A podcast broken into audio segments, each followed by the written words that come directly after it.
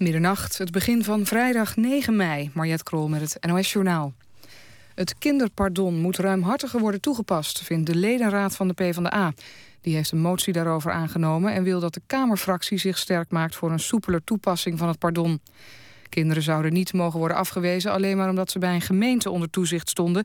in plaats van onder het vereiste rijkstoezicht. In Amsterdam is GroenLinks afgehaakt bij de onderhandelingen over een nieuw stadsbestuur met D66 en de VVD. De richting in de onderhandelingen was te veel naar rechts en de principes van de partij werden geweld aangedaan, zegt GroenLinks. Nu worden de PvdA en SP aan de onderhandelingstafel uitgenodigd. Het lukt niet om het laatste deel van het chemische wapenarsenaal van Syrië het land uit te krijgen.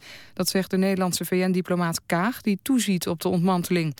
De wapens liggen opgeslagen in de buurt van Damascus... op een plek waar hevig wordt gevochten. De meeste chemische wapens zijn inmiddels wel weggehaald uit Syrië. In Amsterdam is Koos Zwart overleden. Hij is vooral bekend als de man die in de jaren 70 en 80... de prijzen van toen nog illegale softdrugs voorlas... in de zogenoemde beursberichten in het radioprogramma In de Rode Haan. Opvallend was dat hij dat deed in de periode dat zijn moeder, Irene Vorink... voor de PvdA minister van Volksgezondheid was. Koos Zwart bleef zijn hele leven cannabisactivist. Hij is 67 jaar geworden.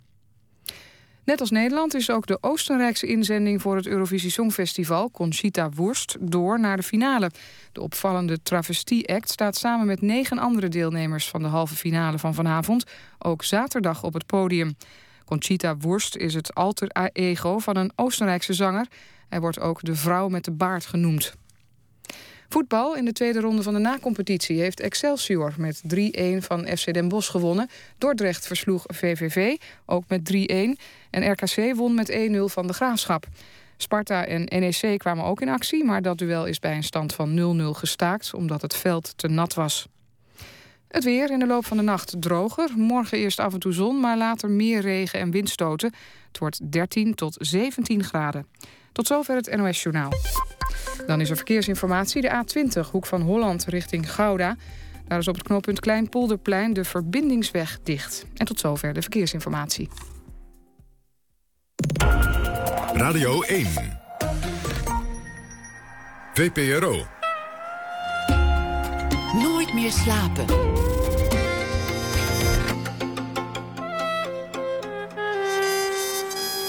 Met Pieter van der Wielen.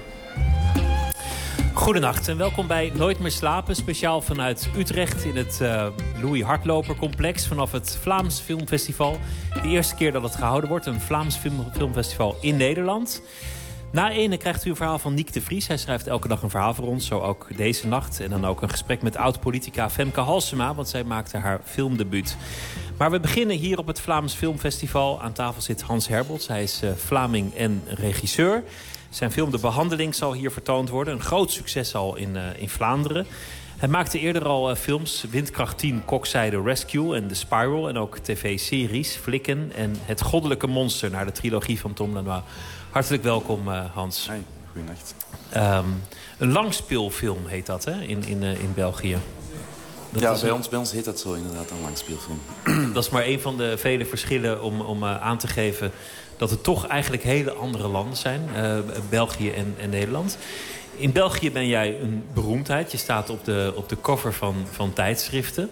Maar hier in, in Nederland heb ik niet de indruk dat mensen jou op straat aanklampen. Ja, eerst en vooral in België is dat ook relatief... Dat aanklampen valt best mee. En op die covers van die tijdschriften, dat valt ook wel mee. Uh, nee, maar dat is natuurlijk allemaal heel relatief. In België ben je dan bekend en dan steek je de grens over... zowel naar Frankrijk toe of naar Nederland valt het helemaal weg. En omgekeerd ook. Ik denk dat mensen die in Nederland heel bekend zijn... gerust in Antwerpen kunnen rondlopen zonder herkend te worden. Um, dus dat is iets echt goed om met twee voeten op de grond te blijven staan. Hoe zit het met zo'n film? Als jij een film maakt die, die succes heeft... zoals je laatste film in, in Vlaanderen succes had... merk je daar iets van in Nederland? Gebeurt er iets met zo'n film hier? Nee, Helemaal nee. niets? Nada. Nee, heel weinig. Windkracht 10 was een film die, uh, die in België bijvoorbeeld heel veel, uh, heel veel mensen aan de bioscoop lokte. En die heeft in Nederland, denk ik, 800 mensen bereikt of zo. Of 800? Dat is echt, uh, ja. heel, heel relatief ook. Uh, nee, dat is heel moeilijk. Uh, ik weet niet hoe het komt, maar Vlaamse films geraken heel moeilijk die grens over. Ik denk dat we nog sneller in Frankrijk, in Duitsland of in Scandinavië in de zalen geraken dan in Nederland. En omgekeerd denk je dat het ook zo is. Want wij krijgen maar heel zelden een, Vlaamse, een, een Nederlandse film bij ons in de zalen. De grote successen hebben we wel natuurlijk. Komt een vrouw bij de dokter of, dat soort dingen. Maar ik kan me voorstellen dat er hier veel meer gemaakt wordt dan, uh, dan dat soort films. Uh. Dit festival is ook bedoeld om, om dat te doorbreken. Om, om Nederland in aanraking te brengen met de Vlaamse film. Er wordt gesproken van een gouden tijd voor de Vlaamse film. Een, een, een hoogtepunt, een nooit eerder gezien hoogtepunt... dat nu beleefd zou worden in Vlaanderen voor de film. Is dat iets waar je iets in herkent? God, het is zo dat in Vlaanderen de Vlaamse film is, is, uh, is een soort keurmerk geworden. Dus dat is wel een goede zaak. Ik denk, 15 jaar geleden was de Vlaamse film uh, de boerenfilm. Dat maakt heel veel films die zich afspeelden op boerderijen en op... Uh, op uh, akkers. En mensen gingen niet naar Vlaamse films. En dat is eigenlijk veranderd sinds, sinds de zaak Alzheimer. Film van Erik van Looy, denk ik, van uh, begin 2000. Dat was de eerste Vlaamse politiefilm. Een goede film, een spannende film. En sindsdien is het eigenlijk beginnen groeien. En merk je dat ook het beleid, de, de, de overheid, de steun die de overheid geeft... zich is beginnen afstemmen op, op een breder soort films. En dat, dat al die verschillende agentschappen van de overheid zich op elkaar zijn beginnen afstemmen. En dat heeft nu de laatste jaren wel geleid tot een soort... Uh, een hoogtepunt uh, vind ik niet zo goed klinken... want dat betekent ook dat er daarna terug alleen maar de weg naar beneden is. Maar wel tot een soort heel goed klimaat... waarbij dat heel veel films gemaakt kunnen worden, veel meer dan vroeger. Vroeger maakten we er drie per jaar en nu zijn dat er toch een stuk of tien, denk ik, of zo. En je merkt dat mensen ook verschillende genres beginnen te proberen... waardoor dat, uh, ook bij het publiek een soort vertrouwen groeit in Vlaamse film. Mensen gaan graag naar Vlaamse films. Ik denk dat de meest bekeken films in de Vlaamse bioscopen zijn Vlaamse films. Dus dat is wel heel goed. Een heel fijn klimaat om in, om in bezig te zijn. Bij de, bij de Oscars vorig jaar, ook, uh, ook dit jaar... was het ineens voor ons hier in Nederland een soort schrik... dat, dat de Vlamingen het zo goed deden. Dat, dat ze ineens genomineerd werden en... en uh, een enkele keer zelfs in de prijzen vielen. Ja, we hebben geluk gehad. Ik denk dat we drie jaar achter elkaar met twee langspeelfilms uh, en met een kortfilm uh, genomineerd zijn geweest. En ook dat is denk ik het resultaat van, van die afgelopen tien jaar, waarbij dat er eigenlijk... Ik denk dat we veel gekeken hebben naar de Scandinavische landen, naar Denemarken. Een land met een, een bevolking die ongeveer even groot is als, Vlaam, als, als Vlaanderen dan. Want bij ons is dat op, uh, op, op gemeenschapsniveau geregeld, dus Vlaams niveau. Um, er is meer geld naar de audiovisuele industrie gegaan. En er is eigenlijk een soort industrie ontstaan... waardoor effectief er meer films gemaakt zijn... en de kwaliteit ook gegroeid is, denk ik. Waar hebben we het eigenlijk over? Als we het hebben over een Vlaamse film. Ik bedoel, het, het klinkt nog een beetje algemeen. Ja, hij is gemaakt in Vlaanderen. Maar kan jij iets herkennen van een, een Vlaamse stijl of een Vlaamse school? Bestaan dat soort dingen? Dat is heel moeilijk, denk ik. Ik weet niet of er zoiets bestaat als een Nederlandse film. Uh, dus, ja, vroeger, vroeger, werd er in Nederlandse films altijd... Uh, de liefde bedreven in, in een duidelijk visuele ja, ja. context. Dat herinner ik mij nog inderdaad. Uh, nee, in Vlaamse films... Um, je hoort wel eens dat Vlaamse films met twee voeten op de grond staan, denk ik. Of dat ze, dat ze misschien lijken op Vlamingen zelf. Maar ook dat is een cliché natuurlijk. Maar ik denk dat Vlaamse films misschien een bepaalde manier... een soort... Uh, introspectieve manier van vertellen hebben of zo. Misschien zelfs, zelfs een vrij groot verhaal wordt eigenlijk op een kleine manier aangepakt. Deels denk ik omdat de budgetten ook vrij laag zijn, dus het is een soort noodzaak. Maar anderzijds heeft dat de afgelopen jaren ook wel geleid tot een soort kunst van vertellen, denk ik, die, die implicieter is. Die misschien um, een verhaal dat zich zou kunnen lenen tot spectaculaire, beelden of spectaculaire vertellingen zich, zich kleiner laat vertellen. En dus... Um, intenser wordt misschien, of, of iets meer verinnerlijkt wordt dan, dan in Nederland het geval zou zijn. Ik kan moeilijk vergelijken, ik, zie ook niet heel veel Nederlandse films, maar als ik dan bijvoorbeeld een vrouw, komt een vrouw bij de dokter zag, dan, dan merk je dat dat grootser wordt aangepakt. Dat, daar, dat er meer ook, ook uh, vanuit de lucht wordt gefilmd en, en dat er veel meer beweging in zit, wat ook goed is, denk ik. Maar anderzijds, bij ons ik weet, ik weet ook niet of dat, of dat nou het visitekaartje van de Nederlandse film uh, zou moeten zijn ik denk bij Vlaamse films bijvoorbeeld aan Urbanus... maar ik zou daar ook niet meteen van willen zeggen... dat dat het visitekaartje van, ja, van de Vlaamse film is. Ook al wat tien jaar geleden. Waar, waar, zou dat aan kunnen liggen, die, die implicietere manier van vertellen? Want daar herken ik eigenlijk wel wat in. Ik weet niet goed. Het is heel verleidelijk om te zeggen dat het zou te maken hebben met de aard van de Vlaming tegenover de Nederlander. Die, die ook, zo wil het cliché, iets, iets extroverter is, extraverter is. En de Vlaming is iets meer uh, introvert. Ik weet niet wat daarmee te maken heeft. Misschien wel. Um, ik denk dat wij wel houden van, van kleinere verhalen, rustige dingen. Um, dus het zou kunnen dat daaruit ontstaan is in elk geval. En dat, dat, dat we merken dat dat een goede manier is van, uh, van vertellen. Dus dat dat ook meer en meer navolging krijgt. Loft was een groot succes uh, in Vlaanderen. Daar is in Nederland een, een, remake van gemaakt. Wat zijn er meer films van de laatste jaren uit Vlaanderen... waarvan jij zegt, nou, die, die zouden de Nederlanders dus uh, moeten huren... Of, of downloaden of desnoods in de bioscoop bekijken? Ja, ik zou de volgorde willen omdraaien. Dus in de liefst in de bioscoop kijken. En dan, downloaden. Mensen gaan niet meer graag de eh, deur uit met dit weer. Maar uh, ja, je hebt er al een paar genoemd. Runskop is, een, is een, een heel mooi voorbeeld van een film... die ook weer, denk ik, net zoals de zaak Alzheimer... Een bepaald bepaalde grens verlicht heeft, denk ik. Zoals de zaak Alzheimer dat heet voor de politietriller... is Runskop dat geweest voor de, voor de gangsterfilm eigenlijk. Tot, tot aan toe een genre dat eigenlijk vooral met Amerikaanse film geassocieerd wordt bij ons.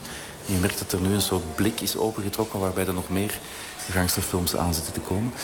Uh, de helaasheid er dingen, films van Felix van Groening bijvoorbeeld. Je merkt dat die films ook de grens makkelijker beginnen over te steken. Dat eigenlijk, en ik denk dat dat de volgende stap is voor de Vlaamse filmindustrie. Dan dat er ook een aantal regisseurs komen die buiten de landsgrenzen bekendheid uh, genieten. Zoals er een aantal Deense regisseurs zijn of Franse regisseurs. En dat mensen echt over heel Europa gaan kijken naar een film omdat die van die regisseur is. Ik denk dat dat er de komende jaren zal zitten aankomen bij ons ook. En ook dat is weer het gevolg van heel bewust een aantal jaren lang werken uh, op een bepaald parcours. In de toneelwereld wordt er uh, heel veel samengewerkt de laatste jaren... tussen toneelgroep Amsterdam en het, het Gentse toneel bijvoorbeeld. Of tussen theaters in Antwerpen en, en Amsterdam.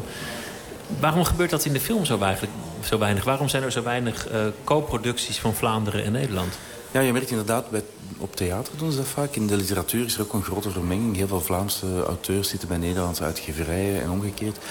Ik dat film het nadeel heeft dat het een soort dat het dichter bij de realiteit, of de meeste films dichter bij de realiteit liggen. Dus dat je eigenlijk minder snel op theater installeer een code in het begin van de voorstelling. Uh, die acteur speelt dit, die man speelt een vrouwenrol. En, en eens die code geïnstalleerd ga je als publiek daar ook heel makkelijk in mee. Je maakt er een soort abstractie van en je volgt de voorstelling.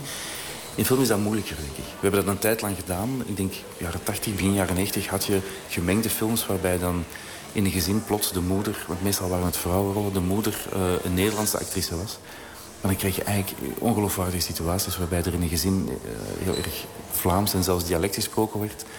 In de boerderij dan, en plots sprak de moeder Nederlands. Dat werd toen nog getolereerd, denk ik, maar dat, dat is, er is een nieuw soort realisme gekomen waarbij dat dan niet meer werkt in, in, in cinema, in film. Je hebt een, eh, een film gemaakt, uh, The Spiral. Dat, dat, was een internationale film. Daarvoor heb je een tijdje in uh, Kopenhagen gewoond.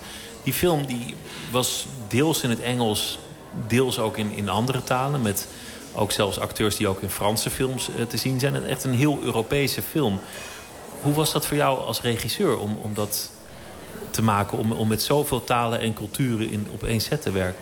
Ja, dat was eigenlijk een televisiereeks. Een vijfdelige televisiereeks. In een co-productie tussen zes Europese landen. Dat was heel fijn eigenlijk. Omdat het voor mij ook een soort uh, mijn ogen openden naar een soort Europese manier van vertellen. Want ik denk eigenlijk, ondanks het feit dat we elkaars films niet zo vaak zien... dat we toch veel meer gemeenschappelijk hebben dan dat we denken. In, in manier van vertellen tegenover bijvoorbeeld de Amerikaanse manier van vertellen. In manier van acteren bijvoorbeeld ook. We houden toch bijna allemaal van een soort minimalisme. Dat merk ik aan de Deense acteurs ook heel erg. Ook aan de Nederlander, trouwens aan Teun Luiks zat daar onder andere in. Uh... Bekend van Adam en Eva, de serie in Nederland. Ja, ja. Die heb jij misschien niet gezien, maar dat was hier een grote hit. Ja, ik heb er stukken van gezien voor, voor met Teun werken. Maar je merkt dat er een soort... Uh, ten eerste was het heel fijn om dat te doen... omdat al die acteurs ook heel erg genoten van bij elkaar te komen... en dingen uit te wisselen. En, en veel meer dingen bij elkaar herkenden dan dat er verschillen waren. Uh, en anderzijds was het ook heel fijn om al die verschillende landen uh, met elkaar te betrekken. De crew kwam uit, Denemarken en uit Zweden en uit België bijvoorbeeld. Dus het was fijn om te, werken dat dat merkt, uh, om te merken dat dat werkte eigenlijk. Dat mensen uit verschillende landen, Europese landen konden samenkomen... en dat daar eigenlijk een, ja, een goede reeks kon uitkomen. En ik voel, ik voel ook, ik merk ook dat dat... Op dit moment wordt het team gedraaid. Het is eigenlijk een, een gelijkaardige co-productie. Ik denk dat dat de toekomst is, vooral voor televisie dan, dat er meer en meer van dat soort dingen gemaakt wordt. Omdat, de budgetten onder druk staan. Budgetten staan onder druk en op die manier kan je terug een hoger budget met elkaar krijgen. En mensen zijn ook nieuwsgierig geworden. Uh, het zijn de Amerikanen, denk ik, die daarmee begonnen zijn, met, met de Bourne-films eigenlijk. Door, door een, een beproefd genre, het actiegenre, plots uh, Europees te maken en dan Aziatisch. En eigenlijk mensen ook niet meer um, in Duitsland ook niet meer allemaal Engels te laten spreken, maar ook te durven um, daar de originele taal in te laten. En je merkt dat dat dan weer de deur heeft opengezet om dat nu bij ons uh, ook te gaan doen. En dat, ik denk dat dat wel kan aanslaan. Uh, ik ben er een grote fan van, absoluut. We hebben een, uh, een band hier op het podium staan. Marble... ik moet het even, even kijken hoe dat ik, het, dat, ze, dat ze goed aankom. Marble Sounds heten jullie. En komen uit, uit België. Uit alle hoeken van België, om precies te zijn. Antwerpen, Brussel, nou ja, nog veel meer hoeken van België. En jullie gaan een nummer spelen dat heet Keep the Light On. Mm-hmm.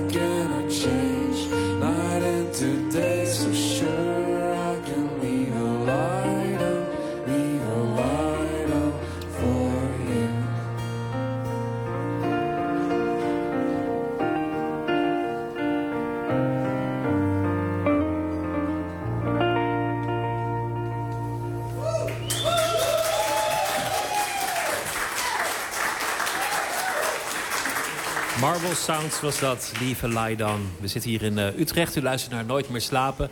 Vanaf het uh, Vlaams Filmfestival in Nederland, in Utrecht. En uh, we gaan het hebben over nu maar even de films van Hans Herbot zelf. Ik, ik noemde hem net al. de film die hier ook gaat draaien, De Behandeling. Groot succes in Vlaanderen. Wordt binnenkort in heel veel Nederlandse bioscopen vertoond. We luisteren naar een kort fragment om even in de sfeer te komen van, van deze film. De troll heeft het gedaan. Want ik kijk naar u van in een boom als je slaat. En de troll is uit zijn boom gekomen en heeft hem meegenomen.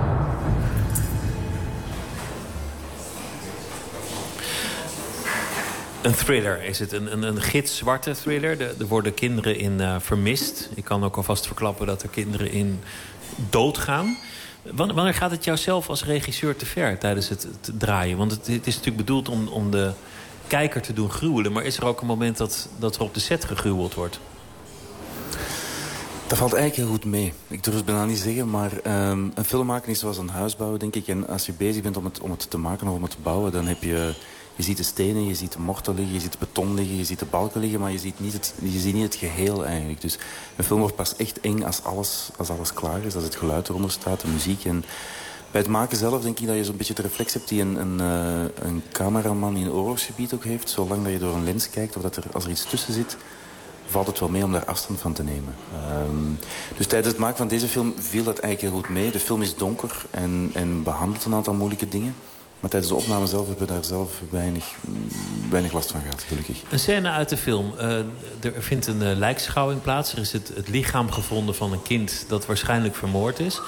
Op een zeker punt wordt het lichaam gedraaid en zie je dat er een gat zit in de rug van, van het vermoorde kind. En de inspecteur kijkt en, en die schrikt daarvan. Hoe is dan de sfeer tijdens het draaien? Want ik neem aan dat zo'n scène ook acht keer over moet. Ja, dat is een scène die inderdaad wel, wel delicaat was. Want we, we de scène bestaat uit uh, opnames met een pop, met een poppenhoofd en, met een echt jongetje. Uh, omdat het heel moeilijk is om dat echt te doen allemaal met een pop. Dus zijn we bovendien ook s'nachts gedraaid, omdat we daar... Uh, ik had het graag donker, ook door de buitenramen. Dus daar hing sowieso dan... Ik denk dat we die scène rond... we liepen een beetje achter op schema, dus dat het middernacht was als we daaraan begonnen ongeveer. Dus dan hangt er inderdaad al een soort gewijde sfeer op de set. En iedereen wordt wel een beetje voorzichtiger. We hebben die scène geprobeerd om ze zo weinig mogelijk over te doen. Omdat er dan een jongetje van, van acht, denk je dat hij was, uh, bij was. Maar dan voel je toch een soort... Uh, zoals in alle soort situaties, een soort respect en een soort uh, plots heel erg concentratie. En ook die concentratie, denk ik, houdt iedereen erg bij de les. En, en uh, ja, vermijdt dat je begint zelf te fantaseren. Uh, of het zelf erger begint te maken, of er emotioneel bij betrokken geraakt. Dus het blijft wel heel neutraal allemaal. Maar, maar, zeg je daarmee dat er toch een soort gewijde sfeer hing... ondanks dat het toch uiteindelijk maar gewoon een pop was? Maar het was een heel donkere film om te maken ook. Want het is een film die eigenlijk... Geert van Rampelberg speelt een inspecteur... die eigenlijk uh, alleen op pad gaat omdat hij dingen uit zijn verleden tegenkomt. En ik denk de eerste drie weken hadden we alleen maar scènes met Geert van Rampelberg... En zo goed als alleen maar s'nachts. Dus dat betekent dat eigenlijk, als een film normaal gezien, als je kut zegt, beginnen de acteurs met elkaar te lachen.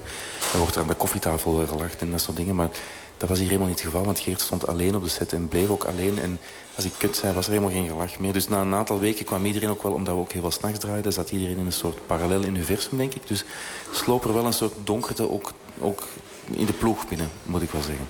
Uh, maar ik denk dat dat ook wel helpt om de film te maken tot wat hij uiteindelijk geworden is. Een soort... Uh, ja, donker. Frank, ik wil niet donker niet te veel benadrukken, maar een soort spannende thriller. Een, spannende thriller waarin ook uiteindelijk um, de psyche van, van de inspecteur een rol gaat spelen. Zijn, zijn binnenwereld die, die komt eigenlijk steeds meer naar buiten. Met andere woorden, zijn demonen die komen achter hem aan. Dat is altijd moeilijk voor een regisseur, om iemands demonen in beeld te krijgen. Dat klopt eigenlijk. De, de, de, uitdaging bij het maken van de behandeling was om daar, om daar dingen voor te vinden die... De bedoeling was eigenlijk om de mensen echt mee te krijgen met, met die trip die, die Nick Kafmeijer, hoofdpersonage, dan doormaakt. En daarom vond ik het ook nodig om af en toe dingen te tonen die, die niet zo fijn zijn om te zien. Um, zodat je als kijker ook echt voelt waarom, waarom hij zo boos is en waarom hij zo gedreven is om, om te doen wat hij allemaal doet eigenlijk. Um, dus we hebben heel lang gezocht ook naar de juiste balans om wat tonen we, wat tonen we niet? Hoe ver gaan we in het tonen van expliciete dingen? We willen er uiteraard niet te ver in gaan. Maar het was nodig om dingen te laten zien soms, denk ik, om, dat, te, om dat te voelen. En die balans hebben we, die grenzen hebben we echt wel opgezocht met deze film. De film gaat over uh, pedofilie, over, over lustmoorden op kinderen. Is dat nog steeds een Belgisch trauma? Zie, zie je daarin een, een, een Belgisch thema? Of is dat afgerond? Goh, ik denk dat is natuurlijk iets wat bij ons in de jaren 90 heel erg uh, als een soort rotte zweer is opengebarsten. Uh, helaas, misschien gelukkig voor ons, maar helaas denk ik voor, voor de wereld hebben we daar niet uh, alleen het patent op. We zijn er ondertussen het is in Oostenrijk gebeurd, in Nederland Ja, in Engeland. Er zijn genoeg Het is iets wat overal gebeurt. Dus Frankrijk. Dus Bovendien is er, er is nu 15 jaar tussen, denk ik, ongeveer bij ons. En je merkt dat dat, dat dat wel een afstand is die nodig was, denk ik... om dat soort onderwerpen te kunnen aanraken in films en in literatuur. Maar je merkt dat het nu ook wel vaker en vaker gebeurt. Het Goddelijke Monster ging daar voor een stukje ook over. Je merkt dat het een plaats heeft gekregen, denk ik... in, de collectieve, in het collectieve geheugen van, van, van België. En dat het nu tijd is, of dat de tijd gekomen is om daar dingen te kunnen over doen. Ik denk dat deze film tien jaar geleden veel gevoeliger zou gelegen hebben. Omdat het dan echt als een Vlaams, of als een Belgisch ding zou gezien zijn... terwijl het nu dat wel kan overstijgen, denk ik. Raakt het ook aan een, aan een maatschappelijke discussie? Of, of wil het dingen aankaarten? Of is het gewoon uiteindelijk een, een, spannende film bedoeld om mensen te doen groeien? Nee, nee dat was, voor mij was het eigenlijk een film over een man die, um, die er niet in slaagt om zijn verleden achter zich te laten. En, en voor mij ging het eigenlijk over, wat, wat doet dat met je als je dingen van, die je meesleurt, meesleurt eigenlijk van vroeger, als je die niet, niet kan laten liggen... Uh, wat, wat doet dat met je en hoe, hoe erg stuurt dat nog het heden eigenlijk? Ik, geloof zelf dat, dat veel mensen nog zitten met dingen die kwetsuren van vroeger... of dingen die gebeurd zijn die ze, niet, die ze nog geen plek hebben kunnen geven. En dat veel meer dan ze zelf beseffen dat dat een beslissing en keuzes die ze nu maken... dat het de mens nog altijd stuurt in de dingen die hij nu doet. En om dat goed te kunnen doen, eigenlijk, om, om ik denk op een goede manier te kunnen verder leven... is het heel belangrijk dat je die kan afsluiten. En voor mij ging dit verhaal eigenlijk over een man... toevallig dan een politieman die met een aantal dingen zat die daar niet mee rond uh, geraakte en die, die geblokkeerd zat. Eigenlijk. En de film gaat eigenlijk over het afsluiten van dingen en een nieuwe ingang vinden om, om verder te gaan. En het specifieke verhaal is dan effectief het verdwijnen van zijn broertje als hij klein was en een zaak in het heden die daarop lijkt. Maar eigenlijk is dat maar de aanleiding om in die psychologie te gaan graven... en om eens te kijken wat dat doet met iemand. Dus, dus uh, het, verdwijnen en het sterven van kinderen dient in het verhaal eigenlijk alleen maar om iets duidelijk te maken over de psyche van de inspecteur? Deels. Natuurlijk is het ook een heel gevoelig onderwerp en, en, was het ook de bedoeling om te tonen wat, wat voor impact dat bijvoorbeeld misbruik heeft op, uh, op slachtoffers. En dat, dat, eigenlijk, dat misbruik ook zorgt voor nieuwe daders. Wat je heel vaak ziet bijvoorbeeld is dat mensen die, die uh, misbruikt zijn in hun jeugd zelf tegen hun eigen wil in vaak nieuwe daders worden van misbruik. Dus dat misbruik eigenlijk als een soort zwam zich verder, uh, verder ontwikkelt... en eigenlijk onder, onder de bovenlaag van de maatschappij zich, zich verder uh, uitdijnt. Um, dus daarom was dat ook wel een belangrijk onderdeel van het verhaal. Het zou ook voor een land kunnen gelden. Een, een, land dat hoofdstukken niet afsluit en echt achter zich laat. Een, een land dat worstelt met demonen. Zie, jij dat, zie je dat in België? Denk ik wel. Ik denk dat we daar lang mee geworsteld hebben. Maar ik heb het gevoel dat dat, dat, dat, dat nu wel afgesloten wordt eigenlijk. Uh, in die zin was het Goddelijke Monster meer een reeks die ging over het einde van de jaren negentig. En het worstelen, het, het einde van een land in een uiteenvallend land werd het genoemd. Maar het einde van een, of een mogelijk einde van een land. En daar, het Goddelijke Monster ging daar meer over. Over hoe dat een land daarmee worstelde. En soms uh, spookbeelden begon te zien. Uh, complottheorieën die de kop opstaken in België. Eind jaren negentig was dat echt wel het geval.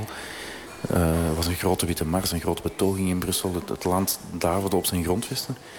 Um, dat is een ander soort verhaal dan het verhaal van de behandeling. We luisteren naar een uh, fragment van die serie, Het Goddelijke Monster. Die heb je gemaakt naar aanleiding, uh, gebaseerd op de gelijknamige trilogie van, uh, van Tom Lanois. Een hele lange serie, in totaal 8,5 uur film, 8,5 uur beeld. We luisteren naar een fragment. Heeft hij nog nooit een vent over gehad? Katrien, Nee, dat is genoeg. Wanneer ga je uit de goede vrijsters een keer stoppen met de poken in het twee anders leven? Heb je die verontschuldiging dan nu? De troll heeft het gedaan. Oei. Ja, er kwam nog even de behandeling achteraan. Er, er wordt, uh, er wordt niet uh, enorm gemoord in het goddelijk monster. Hoewel ook niet iedereen de film overleeft of de serie. Maar uh, niemand heeft het gedaan uiteindelijk, in die zin. Nee, en zeker geen troll. Uh... Een enorme opgave. De, de, de trilogie van Tom Lanois is, is vooral in, in uh, België denk ik heel bekend. Een, een enorm verhaal, een familie-epos... waarin ook uh, het concrete en het minder concrete door elkaar gaat lopen. Het, het, het is iets wat je op de hals haalt om dat te gaan verfilmen. Heb je er ook zo tegen aangekeken toen je begon? Uh, het was iets om even voor te gaan zitten, dat klopt wel. Uh, maar het goede vond ik, of het fijne aan dit verhaal... was dat het eigenlijk, zoals je zelf zei... het was het verhaal van een familie die uit elkaar aan het vallen was... maar het was ook het verhaal van een land dat uit elkaar aan het vallen was. En het was een vermenging van twee vertelstijlen. Een heel realistisch familiaal drama. En een soort grotesk verhaal van alles wat dat eigenlijk in die familie gebeurde... werd geprojecteerd op, op het land, op, op de gerechtelijke macht, op de politie. En de kunst was, dacht ik dan, om in de vertelling ook... twee verschillende vertelstijlen te vinden. Een soort realisme... Uh, wat dat iedereen kent, maar ook een soort surrealisme... waar dat we in België soms ook een patent op hebben. En ook die groteske vertelstijl te mengen met een soort realistische vertelstijl... waarbij je een soort, een soort Grieks koor kreeg. De drie oude tantes van de familie die regelmatig opduiken... en als een Grieks koor commentaar geven op wat er gebeurt. Een soort uh, ja, surrealisme in de vertelling ook... wat dat heel mooi moest aansluiten bij de realisme. Het was een, het was een zoektocht, maar een hele fijne zoektocht ook... omdat je heel veel visuele middelen hebt... Uh, die je kon gebruiken. Je kon, in de serie wordt, wordt het beeld stopgezet, er wordt teruggespoeld, er wordt vooruitgespoeld. Er, we gaan terug in de tijd, we springen vooruit. Er, wordt, er gebeurt van alles eigenlijk. Uh, alles is mogelijk. Maar uiteindelijk een beschouwing op, op de, de stand van België eind jaren 90. Kan, kan je het zo zien? Dat was het wel. Het, het grappige is eigenlijk dat we ontdekt hebben nu... omdat er, er wordt gesproken over een remake in, in Frankrijk... en ook vanuit de Verenigde Staten is er interesse om, om de serie te remaken. Dus wij die dachten dat het echt een heel specifieke Belgische vertelling was... We hebben na een tijdje gemerkt dat het eigenlijk een, een, een concept was... wat je ook op, uh, op andere landen kan toepassen. Namelijk een, een sterk familieverhaal koppelen aan symbolen van een maatschappij. Op een bepaald moment symbolen die staan voor... Uh, of dingen die symbool staan voor, voor het verval, het moreel verval van een maatschappij. Dat je kan toepassen op, op zo goed als elk Europees of, of elk land in de wereld. Want elk land in de wereld is wel moreel in verval. Op een bepaald moment wel. Ik denk dat elk, elk land in de wereld, en dat is ook eigen denk ik aan, aan, aan, of aan het mensen zijn, dat je op een bepaald moment uh, een aantal dingen te vanzelfsprekend worden, dat een aantal dingen naar de oppervlakte komen, dat er een soort zuivering nodig is die dan weer leidt tot nieuwe inzichten. En dat is het proces wat België heeft meegemaakt eind jaren 90. Uh, er zijn toen een aantal zaken fundamenteel veranderd. nu begint weer te blijken dat ze misschien niet zo fundamenteel veranderd zijn. Maar dat was toch een moment van bewustwording eigenlijk, waardoor er dingen veranderd zijn en nieuwe inzichten gekomen zijn. Eh. En hoe zie je dan dat moreel verval? Is dat dan uiteindelijk gewoon een, een luiheid? Dat het een tijd te goed is gegaan? Dat iedereen op zijn lauwer is gaan rusten?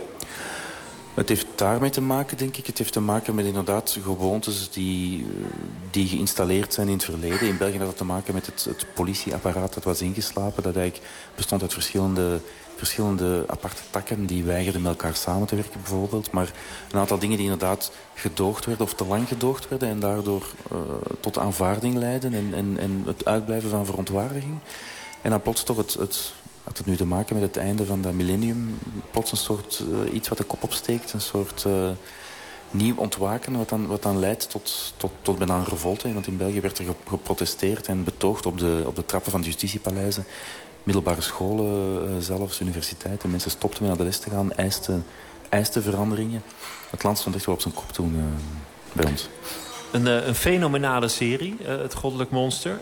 Denk je dat hij in Nederland zou werken als, als een omroep het aan zou durven het hier uit te zenden?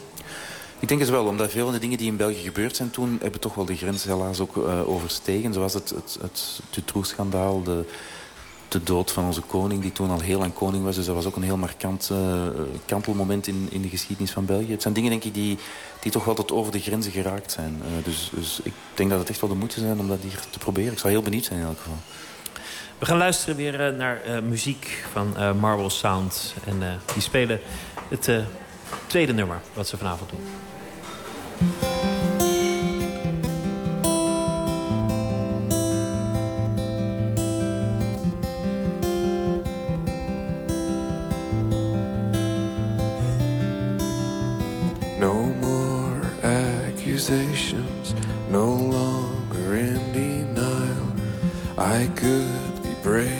Face them, but I will pass for now.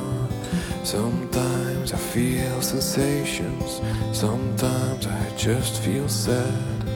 I tried imagination till it got confusing in my head. Something shattered on the floor, and it adds up to the little loss. There shouldn't be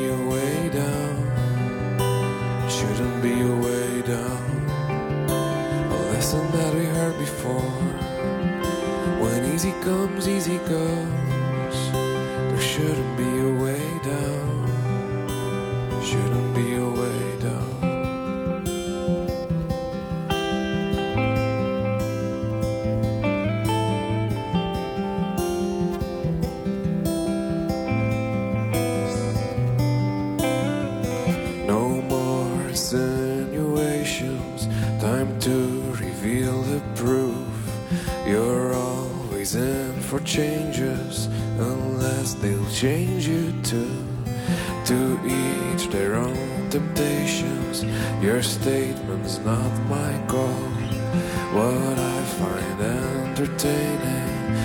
drive some waters up the wall.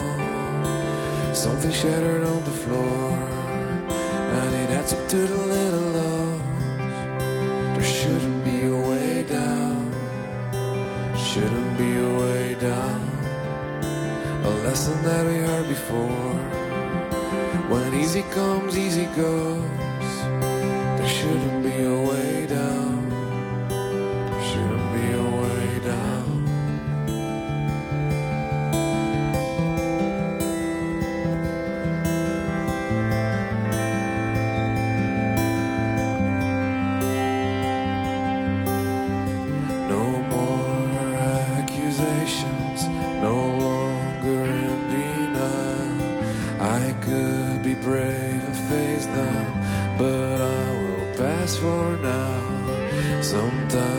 Feel sensations, sometimes I just feel sad. I tried imagination till it got confusing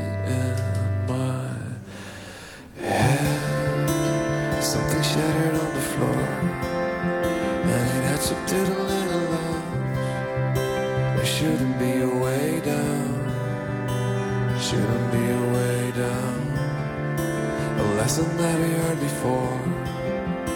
When easy comes, easy goes. There shouldn't be a way down. Shouldn't be a way down.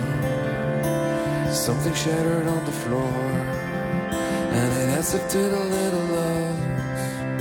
There shouldn't be a way down. Shouldn't be a way down. A lesson that we heard before. Easy comes, easy goes. There shouldn't be a way down. Shouldn't be a way down.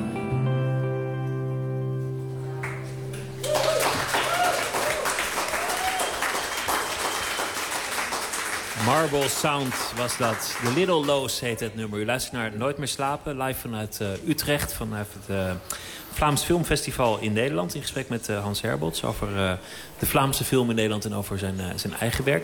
We hebben het nou wel... Nou lijkt het net alsof jouw grote droom zou zijn om in, in het noorden door te breken. Maar dat is natuurlijk allemaal onzin. Want je wil het maken in Hollywood, neem ik aan. Dat is waar een, een regisseur wil doorbreken.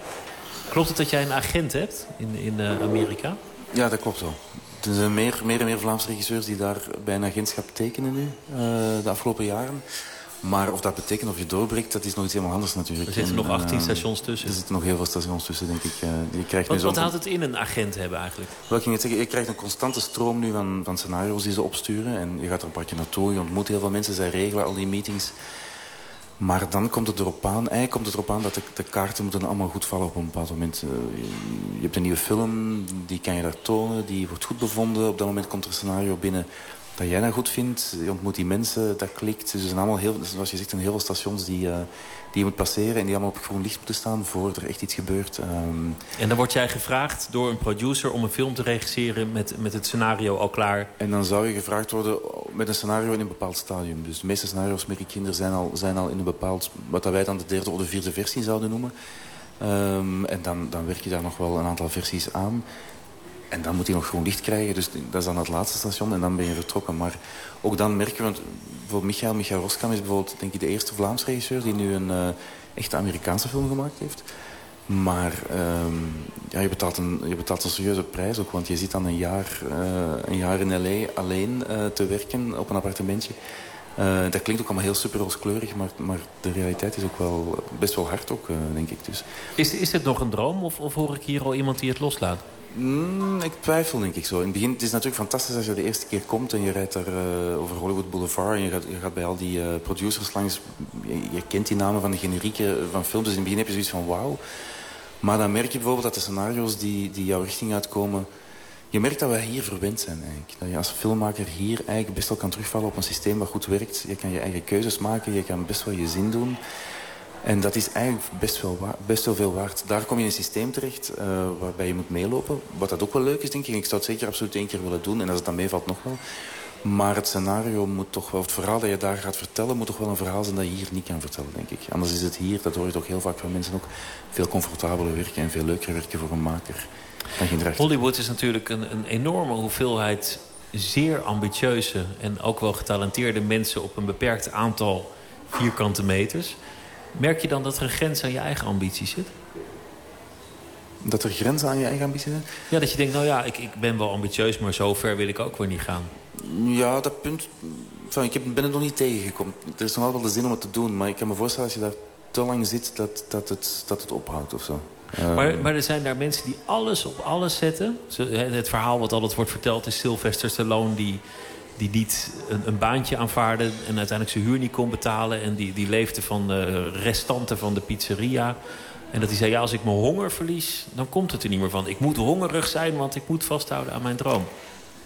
ja, dat- die mentaliteit. die mentaliteit heb ik niet, denk ik. ik zou niet het is, je kan twee dingen doen. Ofwel ga je daar als jonge gast naartoe, denk ik, zoals hij dan bijvoorbeeld. En zo heb je ook wel een paar mensen die dan effectief daar gaan wonen... alles achterlaten en dan beginnen te gaan. Dat is één manier. De andere manier is, is om het hier, hier een film te maken die opvalt... en dan met die film naar daar te gaan. En dan kom je natuurlijk binnen door een andere deur dan, dan langs de achterdeur, bij wijze van spreken. Eh, het is allebei even moeilijk, denk ik. Eh, maar ja, de ambitie moet er sowieso zijn, anders, anders haal je het niet daar. Er loopt zoveel volk rond die allemaal... Iedereen die je tegenkomt, elke ober eh, is ofwel acteur... of zit met een scenario in zijn achterzak. Dus je moet al echt wel, wel met een goed plan naar daar vertrekken... als je daar wil overeind blijven, dat klopt wel. Dan hebben we het eigenlijk over eh, eh, cultuurverschillen. Er is natuurlijk geen mooier medium eigenlijk nog mooier misschien zelfs dan, dan literatuur... Om, om cultuurverschillen duidelijk te maken en, en bloot te leggen dan, dan de film. Is dat iets waar je van bewust bent als je ook in andere landen werkt? Je hebt in, in Nederland ook series gemaakt. Je hebt onlangs in, in Denemarken gewerkt. Je, uh, je loopt rond in, in Hollywood. Ben je dan bezig met hoe je cultuurverschillen zou kunnen verfilmen? Eigenlijk weinig, moet ik zeggen. Wat daar vooral opvalt, denk ik, is, is, de, is het universele, moet ik toegeven. Met, met de Spiral bijvoorbeeld, wat, dat mij, wat dat mij heel hard uh, opviel... In, in, door dan zo lang in Denemarken rond te lopen... is dat er eigenlijk ontzettend veel gelijkenissen zijn. Ook, ook de cultuurverschillen die wij zo uh, op het eerste zicht onder elkaar zien... Zijn eigenlijk, uh, komen vaak toch op hetzelfde neer. Vooral met de Denen had ik dat. Ik kan niet vergelijken met iedereen natuurlijk, maar... Uh, groot voorbeeld is bijvoorbeeld... Uh, we hebben een reeks uh, in Vlaanderen die ging over een beenhouwerij in een dorpje. Dat is een reeks van woestijnvis. Waarvan wij dachten, dit is echt oer... Vlaamser dan dit kan je niet worden. Nu, die reeks is, dacht ik, verkocht aan Japan. En er was ook, ook weer interesse uit Duitsland om de reeks te gaan remaken. Dus hoe, hoe specifieker je wordt over een bepaald milieu... of over een bepaalde eigenheid, hoe universeler het verhaal wordt vaak. Dus ik heb het gevoel dat, dat, dat het net... Um, dat, dat misschien ook dat net de reden is waarom dat, uh, dat er in Hollywood zoveel Europese regisseurs rondlopen. Om net vanuit die specifieke eigenheid uh, verhalen van Ginder aan te gaan pakken. Dat het net een pluspunt is. Um, en hoe je dat dan, of dat je dat heel bewust doet. Ik denk dat het zo ingebakken zit in je manier van denken. Dat je daar niet, niet echt bij stilstaat. Uh, ik alleszins niet. Ik was afgelopen week in, Brussel aan het werk. En, en, daar zagen wij op een gegeven moment iemand uit het café komen... die nou, zeker 13 duvel op had en die iedereen uitzwaaide en in zijn auto stapte. Iemand zei er wat van, een van de Hollanders. En, en de rest zei, ja man, dit, dit is België, dit is een Vlaming, dit is... Zo doen we dat hier op zondagmiddag. Dat, dat vond ik een typerend uh, cultuurverschil. Ik, ik, stel deze vraag niet om, uh, om, om nou een label op alle, alle Belgen te plakken... maar ik stel deze vraag omdat ik benieuwd ben of als dat echt van de grond komt om, om de Vlaamse film hier te promoten... Of er, of er meer cultuurverschillen aan het licht zullen komen. Wat denk jij? Hmm, dat is moeilijk. Ik denk het voorbeeld dat je nu aanhaalt is iets wat dat, denk ik, tot, de, tot de oude cultuur behoort. Wat dat ook wel bij ons aan het verdwijnen is. Gelukkig, want dat, dat is uh, natuurlijk helemaal fout. Maar ik denk wat, wat, wat bijvoorbeeld het, de Vlaming... Wat wij denken dat de Vlaming heel eigen maakt... is een soort plantrekkerij. En dat valt daar wel onder. Uh, maar ik zeg het, je komt dan in Denemarken aan... en dan merk je dat dat daar eigenlijk... Uh, dat soort plantrekkerij daar ook wel leeft. Dus ik... Er zullen verschillen zijn tussen, tussen, tussen de culturen, maar ik denk dat, het, dat, dat, toch, dat daar net met interesse naar gekeken wordt en dat dat misschien ook wel de kracht is van, van het verschil. Um, ja, ja, ik zie daar meer gelijkenissen en meer... Meer, uh, meer gelijkenissen dan, dan, uh, ja. dan verschillen. Um, je, je, zei net, ik, ik wil eigenlijk wel naar Hollywood... maar dan toch liever proberen vanuit uh, Europa. Hier een film maken die daar opvalt. Hier een film maken die daar maakt meer dan dat ik denk dat ik daar in Hollywood moet gaan zitten... en een jaar een, een film moet gaan Nee, je merkt met de Spiral bijvoorbeeld, dat was een hele, dat was een thrillerreeks, uh, vijf afleveringen. En je merkte dat dat, je merkte dat, dat daar aansloeg. Er, is, er was een bepaald moment sprake van uh, Sony wou, wou de reeks kopen, wou de reeks remaken. Dus je voelt dat dat dan een deur openzet en dan is het makkelijk om langs die deur binnen te wandelen. Dat, dat is een aangename manier om daar binnen te komen als je iets in je hand hebt wat, dat, wat daar gesmaakt wordt. Het nadeel is dat je wel in een vakje gestopt wordt. Je bent dan die thrillerregisseur en het komende jaar krijg je, krijg je tientallen thriller-scenario's op je afgestuurd. Maar dat is een goede manier om daar binnen te komen, denk ik. Als je iets hebt wat dat, wat dat sterk is en wat dat daar de deur open doet. Uh... Merk je dat je uh, je eigen signatuur aan het vinden bent als, als regisseur? Heb je, heb je het idee dat, dat er geleidelijk aan een, een bepaalde stijl ontstaat die heel erg bij jouzelf past? Dat gaat traag bij mij. Ik heb altijd een voorbeeld genomen aan Michael Winterbottom, die, die Britse cineast die heel veel verschillende uh, films na elkaar maakt op heel korte tijd, ook die altijd heel erg verschillend waren. En als ik terugkijk naar de films die ik gemaakt heb, dan waren dat ook altijd heel verschillende dingen. Terwijl er voor mij altijd wel een soort uh, eenheid in zat. Het ging altijd over mensen die, maar dat vind ik heel boeiend, mensen die, die op een bepaald moment heel beslissende keuzes moeten maken. En die daar dan ook de gevolgen van moeten dragen en terechtkomen in een wereld die ze soms uh, ja, niet anders konden daarin terechtkomen. Dat staat eigenlijk in alle, um, in alle films die ik gemaakt heb. Ik heb wel gemerkt dat met de behandeling het, het genre van de thriller, van de donkere thriller, eigenlijk op zoek naar de psychologie, een donkere psychologie van een personage, dat dat iets is wat me, wat me heel erg boeit en ook heel erg ligt. Dus ik denk dat het volgende project waar ik nu aan het werken ben, is ook iets wat daar meer in die richting gaat eigenlijk. Dus het is, ik ben breed vertrokken, denk ik. En je merkt dat dat zich met verloop van de jaren wel, wel smaller en smaller maakt. Uh, als, ik iets zou um, moeten noemen op basis van wat ik, wat ik gezien heb van jou... Dan, dan zit het ook heel erg in de de manier van het vertellen. Die, die impliciet is, die, die weinig aan de tekst overlaat... maar dat, dat jij heel erg een, een regisseur bent die aan de hand van de sfeer het verhaal probeert te vertellen. Is dat iets waar je, waar je iets in herkent? Ja, dat is een manier van benaderen, inderdaad. Het is heel moeilijk om dat over mezelf te zeggen, omdat je daar, dat is een soort intuïtief proces waar je doormaakt. Um, maar het klopt wel dat dat een soort... Ook in Boos, dat dat een van mijn andere films... een soort visuele vertaling... Dat moet je natuurlijk doen als regisseur. Een soort visuele vertaling van, van dat soort dingen. Hoe meer dat je daar in beelden um, kan vertellen, hoe beter, hoe beter vind ik. Uh, en dat is iets wat dat bij ons ook nog... Maar je de, ook als, als regisseur filmisch de stilte laten vallen. Hm. Stilte zowel in het shot als in, als in de tekst. Ja, ja. Is, is dat uh, moeilijker werken? Want, want daarmee stel je zelf ook wel een onmogelijke opdracht... om iets te maken dat eigenlijk voor iedereen die werkt op dat moment onduidelijk is wat jij precies zoekt? Goh, ik denk dat zoals mijn, mijn goede song is of een, meubel, hoe, hoe, eenvoudiger het eruit ziet of hoe eenvoudiger het klinkt, uh, hoe moeilijker het is om het te maken, denk ik. Uh, en dat is bij film ook zo, denk ik. De, hoe meer dingen dat je weglaat, hoe, hoe, uh, hoe moeilijker het inderdaad is om daar om, dat, uh, om tot dat eindresultaat te komen. Maar je merkt wel dat het, het filmmaken is natuurlijk een proces. Je doet het met heel veel mensen. En dat begint natuurlijk heel expliciet en met allemaal rond de tafel. En, in, in, Vlaanderen, want dat is ook weer een verschil. In Vlaanderen best wel met een fles wijn bijvoorbeeld op tafel. Dat heb ik in Nederland nog nooit gemerkt.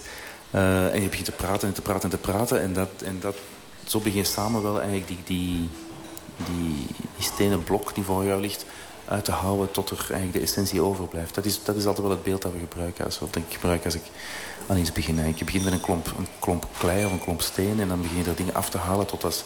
Maar dan, dan, trek je een fles wijn open. Dan ga je zitten met, met wie precies? Met, met de acteurs of met de producer? Met de acteurs, met de cameraman en, en met de producer soms ook. Eigenlijk met hoe meer mensen dat je op dezelfde golflengte ziet, hoe beter eigenlijk. Eh, ook dat is iets, denk ik, dat in Vlaanderen... Ik weet niet hoe het hier is in Nederland, maar veel veranderd is. Vroeger 15 jaar geleden was er een soort tegenstelling tussen acteurs en eh, tussen regisseurs en producers. Maar je voelt dat dat eigenlijk is geëvolueerd naar een soort samenfilm maken, uh, omdat dat ons veel verder brengt. Uh. En hoe gaat dat in Nederland dan? Waar zit hem in essentie dat verschil? Um, moeilijk om te zeggen, maar ik, natuurlijk, ik heb niet veel in Nederland gedaan. Maar, maar net dat lang... Ik denk dat we in Vlaanderen vaak uh, film maken zoals er theater gemaakt wordt. Dat je eigenlijk lang op voorhand uh, de tijd neemt uh, of ook investeert in mensen rond de tafel krijgen en veel praten op voorhand. En voordat er camera's of technische dingen bij komen, heel lang praten over het scenario, heel lang werken aan het scenario. En eigenlijk zoals in, in theater echt elk woord en elke zin gaat omdraaien en kijken van, ja, moet die gezegd worden, kunnen die weglaten? Wat betekent dat woord? Is dat woord nodig? Zodat je echt tot de, tot de essentie komt. Uh, en, en dan komt de rest erbij eigenlijk. Maar eerst is het belangrijk dat je die die oerbasis hebt van waar je kan vertrekken. In uh, uh, The Spiral heb je ook je eigen vrouw geregisseerd, Lien van Kelder. Hoe is dat om, om als regisseur, de, een actrice met wie je toevallig ook getrouwd bent, aanwijzingen te moeten geven? Oh, dat ging eigenlijk vanzelf. Ik heb, ik heb die, die vraag uh, vaak gekregen nadien. Ehm, maar je zit daar in zo'n ja, je zit daar in zo'n context. Er kijken zoveel mensen mee over je schouder. Ook, ook in het begin met de casting bijvoorbeeld. Dat is iets wat je niet alleen beslist dat je daar, uh, één keer dat je op de set staat, draai je toch een knop om uh, en, en, ben je extra voorzichtig om daar niet net uh, te veel aandacht aan te geven. Of ook niet te weinig natuurlijk, want dat is gevaarlijk. Maar dat gaat vanzelf. Je draait die knop om en iedereen, iedereen die op, set, op de set komt, valt in een soort verhouding. En dat, dat, dat werkt eigenlijk vanzelf. En word je dan niet ochtends met een personage wakker? uh, nee, nee. Toch niet? Een goede vraag. Nee, eigenlijk niet. Nee. Goed, de, de, de film die is uh, te zien hier op het festival, de behandeling. En die zal daarna uh, in, in, verschillende bioscopen te zien zijn. En uh, hopelijk zien we binnenkort de serie... het goddelijke monster ook op de, op de Nederlandse televisie.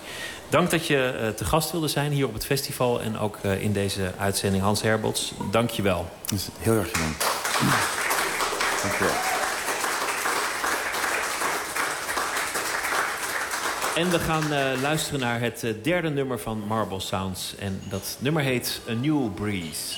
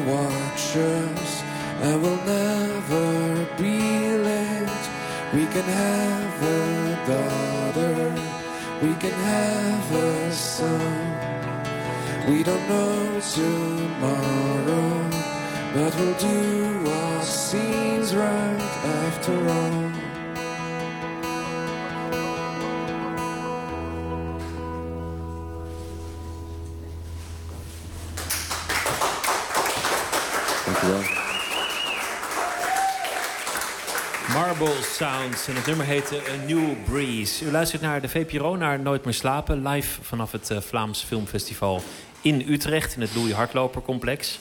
We gaan van de film uh, naar de literatuur. Want volgende week dinsdag dan wordt de Libris Literatuurprijs uitgereikt. En die avond zenden we uit vanuit Amsterdam dit keer. En dan uh, vanuit het Amstelhotel waar die prijs wordt uitgereikt.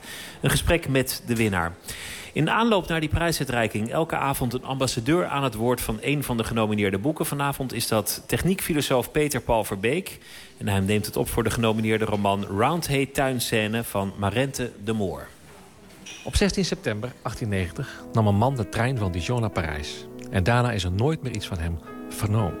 Hij was niet van plan om te verdwijnen... en bovendien is een mens voor zijn verdwijning... net als voor zijn ontstaan van anderen afhankelijk. Hij kan niet even bij zichzelf besluiten dat hij er niet meer is. Eerst moet iemand hem missen. Hoe dan ook, toen Valérie Barre in de trein stapte... was zijn doel nog een aankomst in Parijs. Onderweg kwam er iets langs dat hem uitwiste. Waardoor de mensen die naar hem uitkeken... dat nog lang en vergeefs bleven doen. De keizerlijke slagader, de ijzeren weg die Louis Napoleon in zijn rijk had gekerfd... voerde door heel het mooie lijf van Frankrijk. Maar de trein ging te snel. De passagiers staarden door het uitzicht heen naar hun herinneringen aan een land... waar de tijdvereffening nog niet was doorgedrongen. Waar ze op de zon vertrouwden, op eb, vloed, het vallen van de bladeren... en het vollopen van uiers in plaats van op de spoorwegtijd. Tunnels in, tunnels uit stormde de trein. Door huizen, bomen, rivieren, bergen. De mensen verstomd achterlaten. Terwijl over de telegraaflijnen langs de rails duizenden woorden werden gewisseld. Wat hoorden we hier? We hoorden hier de eerste uh, zinnen van uh, het prachtige boek Round Hay Tuinscène van Marente de Moor. En in dat eerste stuk zitten eigenlijk al alle ingrediënten van uh, het hele mooie boek. Want het zijn zinnen die uitleggen dat er aan de ene kant een verhaal speelt van een man die verdwijnt. En wel een man die als eerste de film heeft uitgevonden... nog voor anderen het gingen uitvinden. En die die uitvinding wilde laten vastleggen, patenteren... en onderweg daar naartoe verdween. Tegelijkertijd gaat het fragment over hoe de techniek... in dit geval de techniek van de trein... iets te maken heeft met onze ervaring van tijd. En hoe mensen door de trein opeens de tijd van het spoorboekje moesten gaan vertrouwen... in plaats van het ritme van de natuur. Techniek doet iets met onze tijd. Deze man wordt uitgewist, als het ware. Hij komt nooit aan met de trein in Parijs. Hij kan zijn uitvinding nooit patenteren. En het boek gaat over de zoektocht van zijn zoon naar hem. En gaat daarmee ook eigenlijk helemaal over... Ja, hoe techniek een strijd met onze vergankelijkheid is. De vergankelijkheid van zijn vader. Film, een strijd tegen de vergankelijkheid van het leven. De momenten vast willen houden die anders zomaar verdampen, aan je voorbij trekken.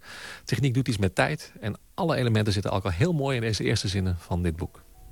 En het gegeven, het uitgangspunt van het boek... namelijk de man die als eerste de film heeft ontdekt... maar het nooit heeft kunnen patenteren... dat is een historisch gegeven. Dat is een historisch feit. En uh, gaandeweg het boek wordt ook duidelijk... dat hij een grote tegenstrever had, uh, namelijk Edison. en dat wordt op een heel mooie, subtiele manier duidelijk... waar ik ook niet te veel over wil zeggen. Want het boek is heel ingenieus in elkaar gezet. En eigenlijk elk bouwsteentje wat je verraadt...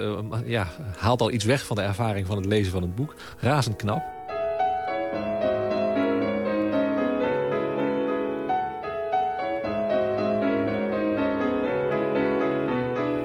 En een van de ideeën van het boek is inderdaad dat je met uh, techniek um, uh, dingen, beelden kunt uh, vasthouden. Maar ook dat je met techniek nooit wat je lief is kunt bewaren. Ja. Is dat voor jou als techniekfilosoof niet een wrange conclusie? nou, eigenlijk wel een hele mooie conclusie. Want het laat ook een stukje zien van ja, het zeg maar, tragische karakter van techniek. dat wij aan de ene kant met techniek macht uitoefenen over de werkelijkheid. En dingen kunnen die we voorheen niet konden. Tegelijkertijd blijken we altijd veel meer te doen met die techniek... dan we zelf van tevoren dachten. Uh, keert de techniek zich soms zelfs tegen ons... en is het eigenlijk iets groters dan we zelf uh, ja, in de hand kunnen hebben. Het boek laat het ook op een heel mooie speelse manier zien. Het staat stampvol met advertenties van hele rare technologieën... die in die tijd zijn uitgevonden of zouden zijn uitgevonden. Die allemaal ook haast op een tragicomische manier duidelijk maken... hoeveel greep mensen proberen te krijgen op hun leven, op de natuur... op de werkelijkheid om hen heen met een technisch foefje. En hoe moeilijk het ook is om die strijd echt te kunnen winnen. Omdat altijd de werkelijkheid je weer inhaalt en moeilijker, groter blijkt dan je zelf denkt. Eigenlijk zitten alle lessen uit de techniekfilosofie en ethische discussies over techniek op een hele mooie manier in dit verhaal. En het mooie daarbij is natuurlijk ook dat het heel erg persoonlijk is. Dat je ook echt de zoektocht van een zoon naar zijn verdwenen vader ziet. En het begrip van verdwijnen en iemand terug kunnen halen uit de dood... krijgt daarmee ook een hele directe, levende invulling. Zou het dan een boek zijn wat je aan je studenten aanraadt om te gaan lezen? Absoluut. Ik denk dat het heel, uh, heel leerzaam is voor studenten om dit te gaan lezen. Sterker nog, eigenlijk wel een goed idee. misschien, misschien moet ik het volgend jaar maar eens opdracht invoeren... op de fotocamera en de filmcamera met dit begrip kader. en misschien met een paar andere eens te gaan doordenken. Prachtig. Gaat het winnen, denk je?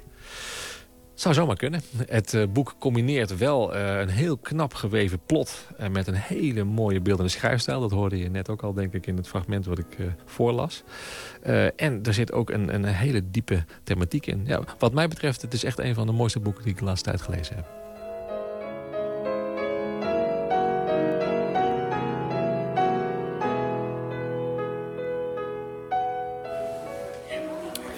U hoorde Peter Paul Verbeek over Roundhay tuinscène van Marente de Moor... een van de genomineerden van de Libris Literatuurprijs. Een bijdrage van Inge Ter Schuren. En uh, morgen gaan we het hebben over de omwegen van Jeroen Teunissen. Dat wordt verdedigd door Jeroen van Rooij. En op de site Boeken van de VPRO vindt u meer over alle genomineerde boeken... voor de Libris Literatuurprijs. Met een dossier erbij met films, tekst en nog veel meer dingen aanstaande dinsdag komt dit programma Nooit meer slapen vanuit het Amstel Hotel... waar de prijs wordt uh, uitgereikt. En het Vlaams Filmfestival, waar wij nu vandaan uitzenden... is nog tot en met zondag in Utrecht in het Louis Hardlopercomplex. En daar zijn tal van uh, Vlaamse films te zien. Onder andere Aanrijding in Moskou, Anyway the Wind Blows... De Behandeling, Drift, Violet, Runskop en uh, de serie Het Goddelijk Monster... is als het goed is ook nog ergens op een groot scherm te zien. Nooit meer slapen gaat zo meteen verder met het tweede uur. Dan krijgt u een verhaal van schrijver Niek de Vries. Dat doet hij deze week elke dag. Een verhaal schrijven op basis van iets dat die dag gebeurd is... of iets dat hij heeft uh, meegemaakt. En een gesprek met Femke Halsema, oud-politica en leider van GroenLinks. Zij maakt haar debuut zondag als televisiemaker. We praten met haar en u hoort ook schrijfster en uh, documentairemaker Hasna Bouassa. Want samen met haar heeft ze een zesdelige serie gemaakt. En uh, Anton de Goede, onze nachtcorrespondent... die is bij een expositie geweest over de Krim met geheimen over de Zwarte Zee... en uh, dat hele gebied daar waar momenteel zo ontzettend veel over te doen is. Dat allemaal zometeen in Nooit meer slapen van de VPRO op Radio 1. Twitter, VPRO NMS. Of via de mail nooitmeerslapen.vpro.nl. We gaan er heel even uit voor uh, nieuws en uh, andere wetenswaardigheden... en zijn zo meteen met u terug met het tweede uur van Nooit meer slapen... live vanaf het Vlaams Filmfestival in Utrecht. Tot zometeen.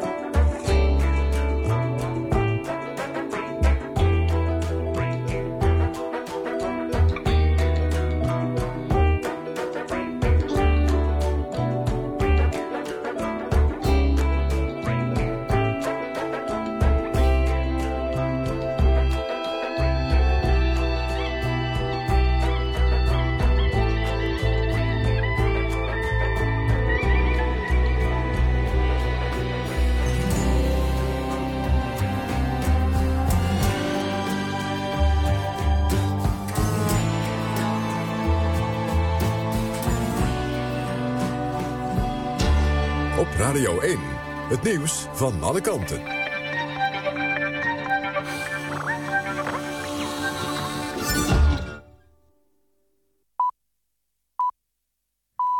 1 uur, Mariette Krol met het NOS-journaal. De Nederlandse marine volgt op de Noordzee een aantal Russische marineschepen. Het zijn er zes, waaronder een Russisch vliegdekschip. Volgens Defensie mogen ze daar varen, maar gebeurt dat nu wel voor het eerst in 20 jaar. Daarom kijkt een vliegtuig van de kustwacht wat de Russen doen. Waarschijnlijk is de vloot na het voltooien van een missie op de Middellandse Zee... op weg naar de Noord-Russische havenstad Moermansk. Omdat de schepen niets verkeerd doen, is er geen contact met ze gezocht, zegt Defensie. Net als veel burgemeesters vinden ook de leden van de PvdA... dat het kinderpardon ruimhartiger moet worden toegepast. De ledenraad heeft daar de afgelopen avond een motie over aangenomen. De leden willen dat de fractie in de Tweede Kamer zich sterk maakt... voor een soepeler toepassing van het pardon. Kinderen zouden niet mogen worden afgewezen... alleen omdat ze bij een gemeente onder toezicht stonden... in plaats van onder het vereiste rijkstoezicht. Opnieuw is een bouwvakker overleden. Die werkte aan een voetbalstadion in Brazilië voor het WK. De man werd geëlectrocuteerd. Volgens de overheid heeft hij niet genoeg veiligheidsmaatregelen genomen. Er zijn al zeker acht bouwvakkers om het leven gekomen... bij de bouw van de stadions in Brazilië. De druk is groot. Het WK begint over een maand... en nog niet alle voorzieningen zijn klaar. Net als Nederland is ook de Oostenrijkse inzending... voor het Eurovisie Songfestival door naar de finale. De opvallende Travestie Act staat samen met negen andere deelnemers... aan de halve finale van afgelopen avond, ook zaterdag op het podium. Conchita Wurst is het alter ego van een Oostenrijkse zanger. Hij wordt ook wel de vrouw met de baard genoemd. In de tweede ronde van de nacompetitie heeft Excelsior met 3-1 van FC Den Bosch gewonnen. Dordrecht versloeg VVV, ook met 3-1. En RKC won met 1-0 van de Graafschap. Sparta en NEC kwamen de afgelopen avond ook in actie... maar dat duel is bij een stand van 0-0 gestaakt... omdat het veld te drassig was. Het weer in de loop van de nacht droger. Morgen eerst af en toe zon, maar later meer regen en windstoten. Het wordt 13 tot 17 graden. Tot zover het NOS Journaal. Dan is er verkeersinformatie. De A20, hoek van Holland richting Gouda. Daar is op het knooppunt Kleinpolderplein de verbindingsweg dicht. En tot zover de verkeersinformatie. Radio 1. VPRO. Nooit meer slapen.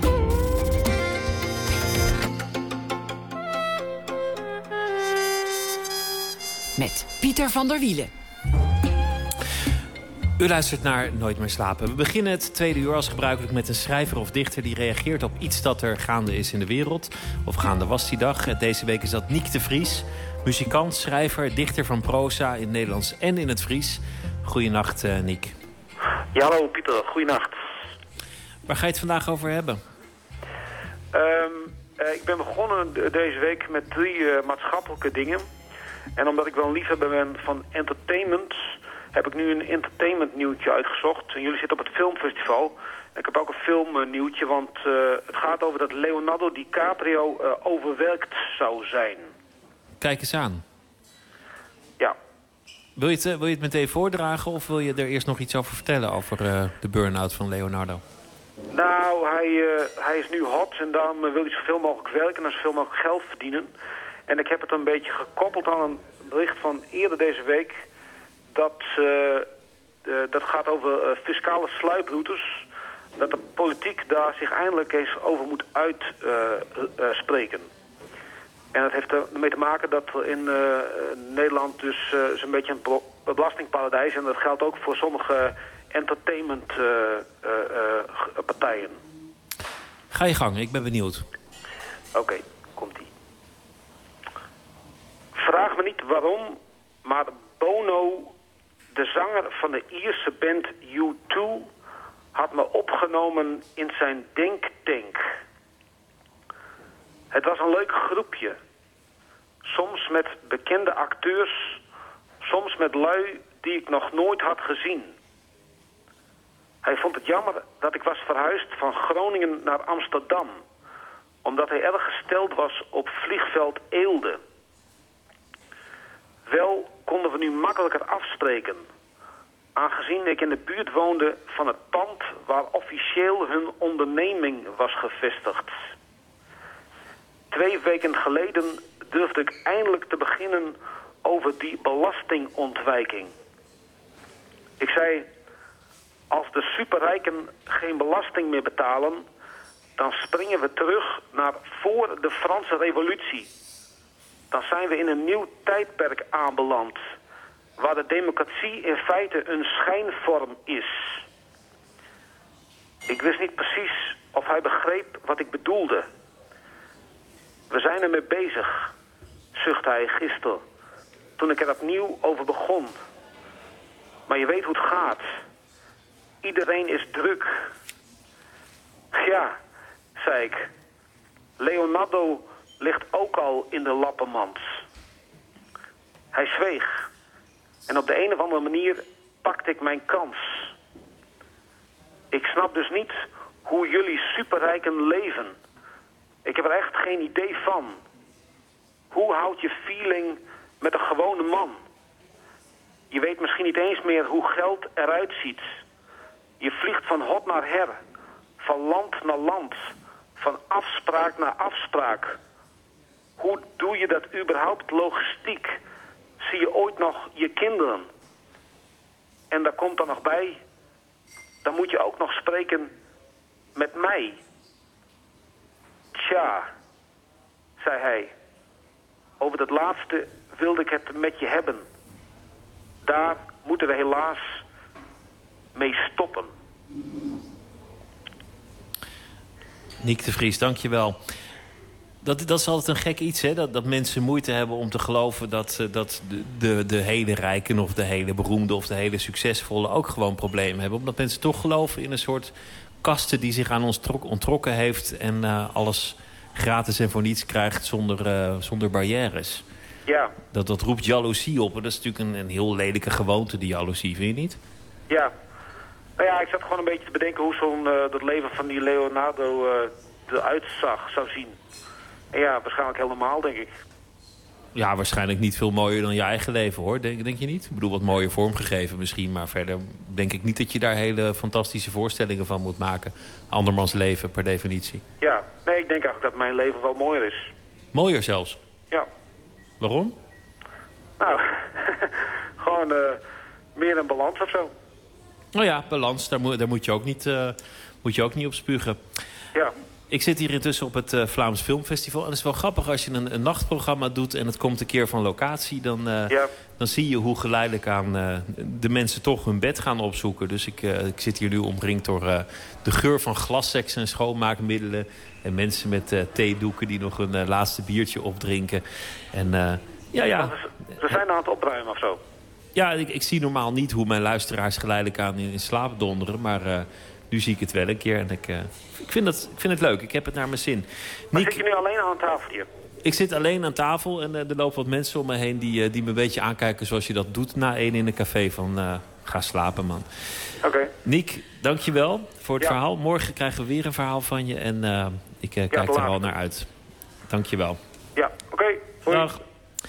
De zanger van de Britse band Blur ging na het verscheiden van die groep druk door als muzikant. Met uh, samenwerkingen met allerlei andere muzikanten. En nu is er dan eindelijk een soloplaat. Helemaal alleen. De plaat heet Everyday Robots. Wij draaien Heavy Seas of Love. When your soul isn't right and it's raw to the night, it's in your. When the traces of dawn come to fade in the light, you're in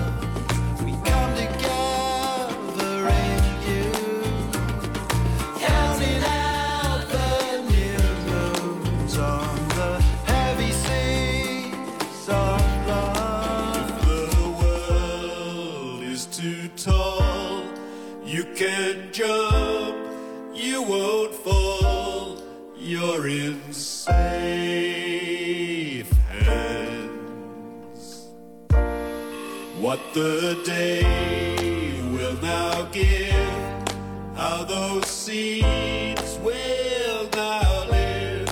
It's in your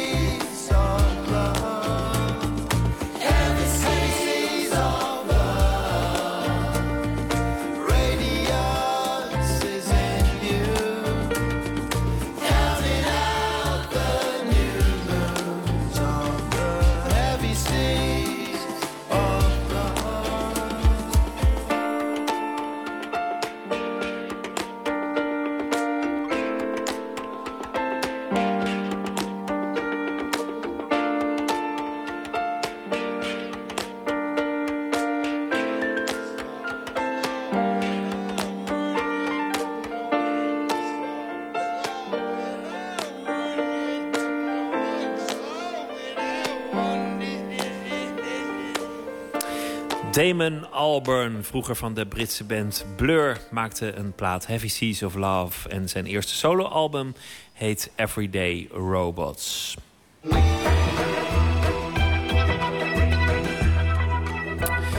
U luistert naar de VPRO op Radio 1. Femke Halsema maakte zondag haar debuut als televisiemaker. Aanstaande zondag gaat dat gebeuren. Samen met programmamaker en schrijfster Hasna Bouassa maakte ze voor de NTR... een zesdelige documentaire serie over vrouwen in de islamitische wereld.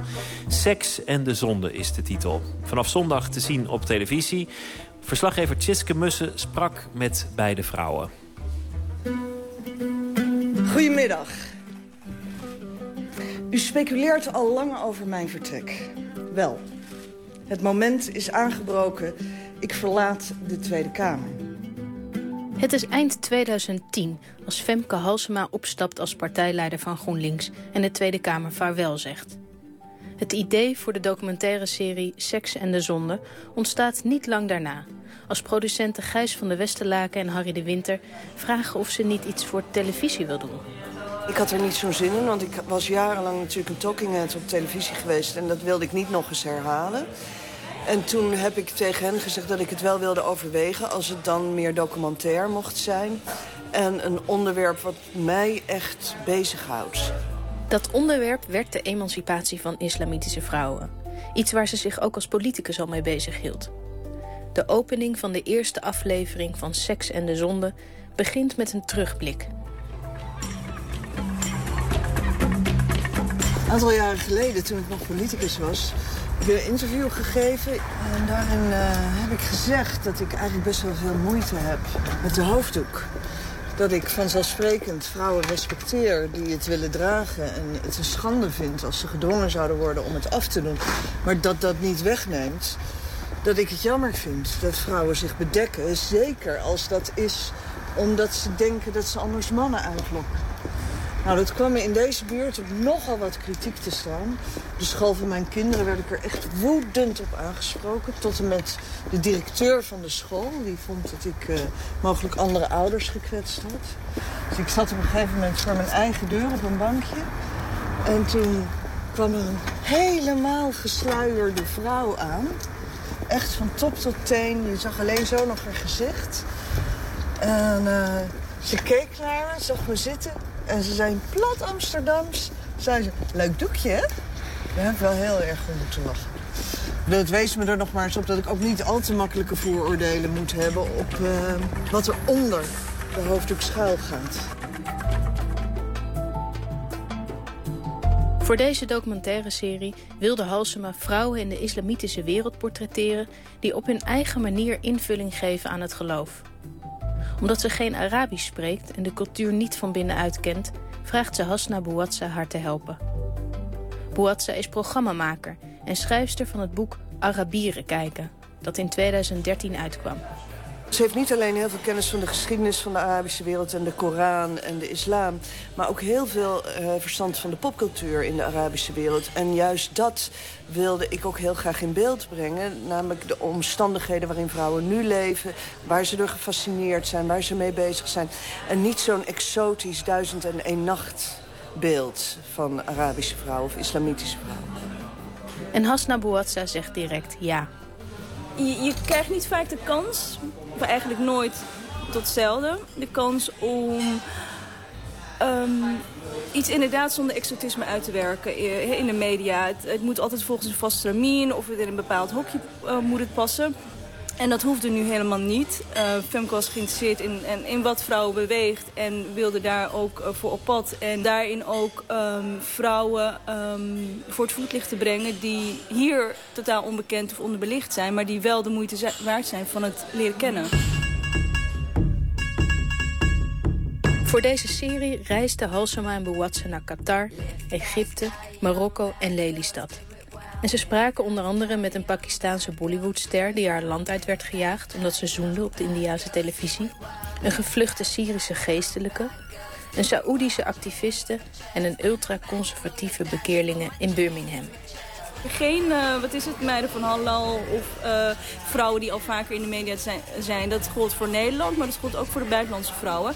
Nieuwe verhalen, nieuwe inzichten, nieuwe vrouwen die de moeite waard zijn van het leren kennen. En, want als je steeds maar in dezelfde vijver blijft vissen, kom je ook weet je, helemaal nergens. Je kunt nooit een compleet palet aanbieden, maar je kunt wel een zo veelzijdig mogelijk palet uh, geven om een indruk te krijgen van wat er speelt en hoe die vrouwen zich al dan niet emanciperen. Met de vrouwen die ze opzoeken spreken ze over de seksuele en politieke beperkingen voor vrouwen, de sharia, de zedelijkheidsregels en de vrouwenstrijd. Maar vooral zijn het persoonlijke verhalen. terugkerende verhaal bij alle vrouwen is toch dat het leidensverhalen zijn. Het zijn allemaal vrouwen die eigenzinnig zijn, die hun eigen richting in het leven bepalen... en die daar dikwijls hele grote offers voor uh, moeten en hebben moeten brengen. Of, of dat nou in de heel persoonlijke sfeer is... Uh, in, de, in de zin van echtscheidingen of gewoon um, uh, in politieke en, en religieuze onderdrukking.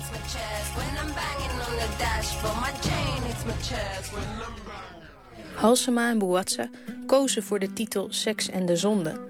Omdat de discussies onder conservatieve geestelijken altijd gaan over de seksualiteit van de vrouw en haar zondigheid.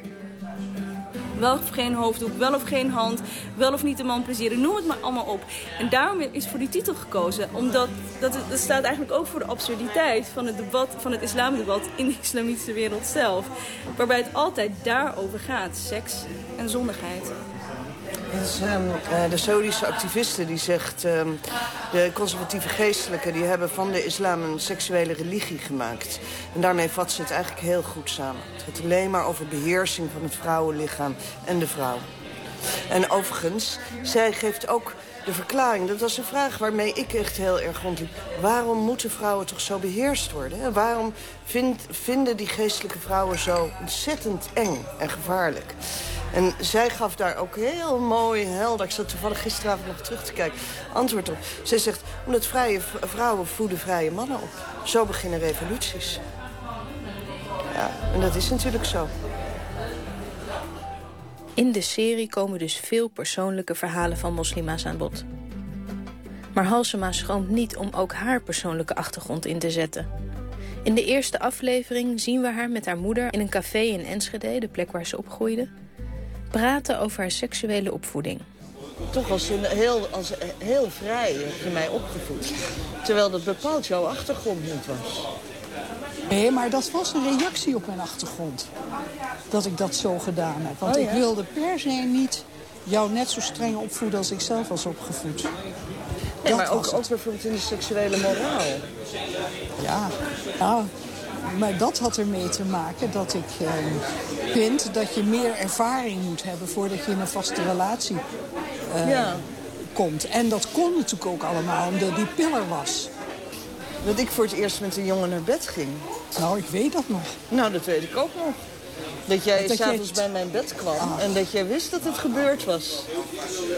En, eh, maar ja, daar was je ook niet heel gechoqueerd door. Nee, ja, je je bent de volgende dag met mij naar de dokter gegaan.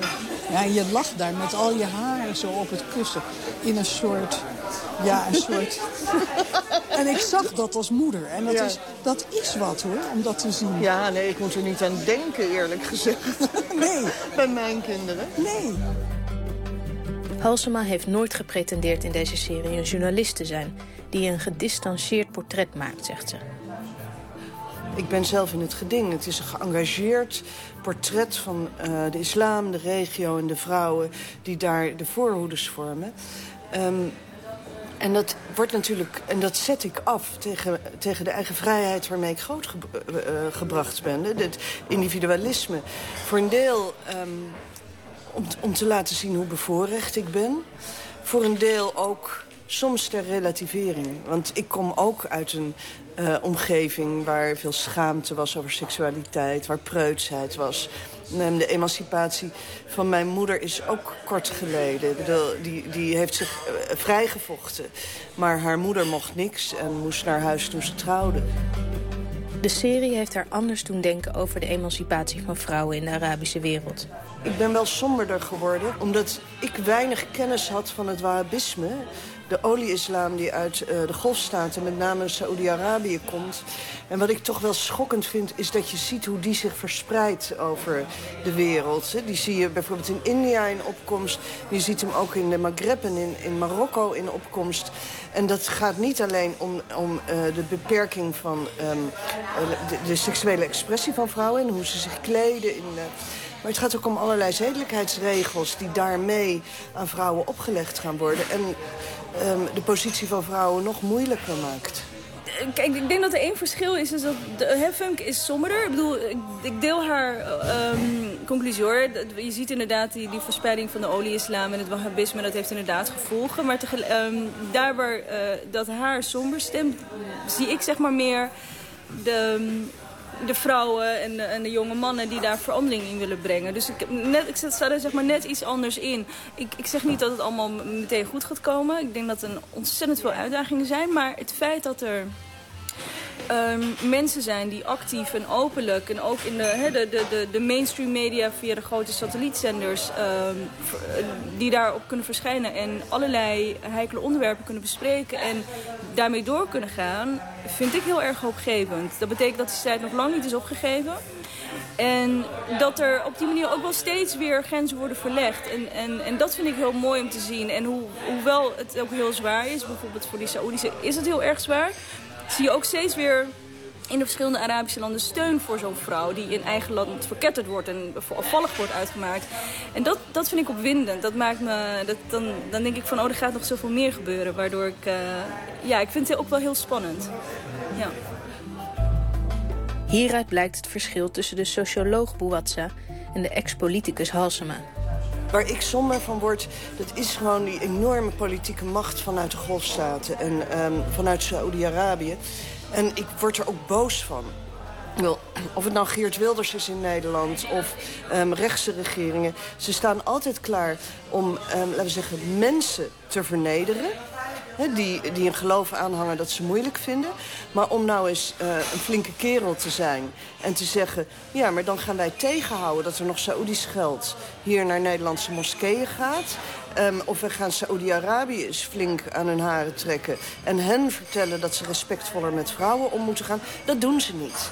Nou, daar, en daar word ik somber van. Omdat je, zolang er olie is, zolang er macht in die regio is... zul je gewoon zien, want zonder dat het met oorlogen gepaard gaat, hè, per se...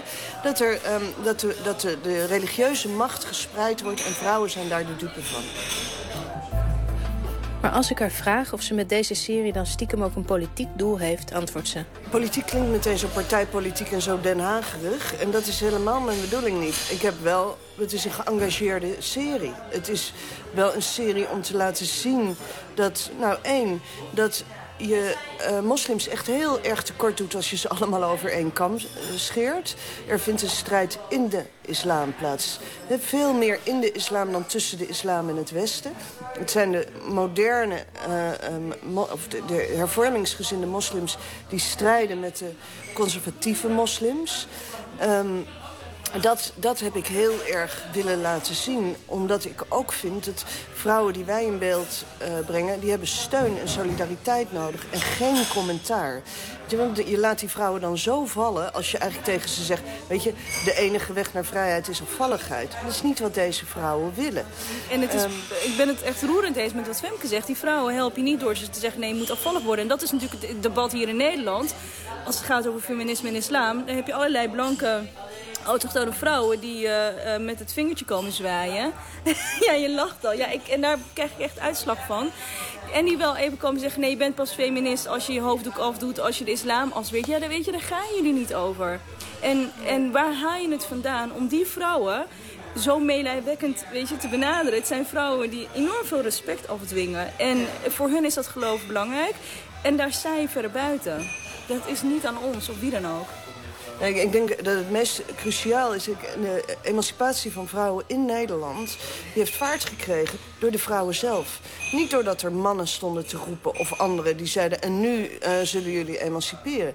Het zijn de vrouwen zelf die ehm, eh, hun leven moeten willen veranderen. En het enige wat je van buiten, als buitenstaander kan doen... dat is laten zien wat voor gevecht ze leveren. Daar kun je steun aan verlenen. Je kan ze een platform geven. Maar hoe de emancipatie eruit gaat, komt te zien... en of die plaatsvindt, dat is aan hen.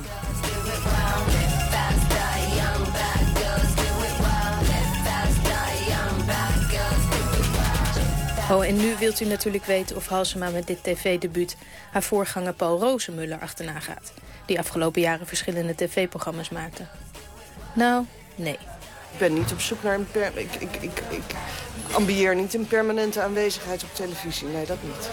En voor mij geldt inderdaad... Ik heb een aantal grote interesses. En af en toe zoek ik daar media bij. En ik vond het hiervoor eh, echt prachtig dat ik met Hasna die kans kreeg. Maar misschien volgende keer een boek.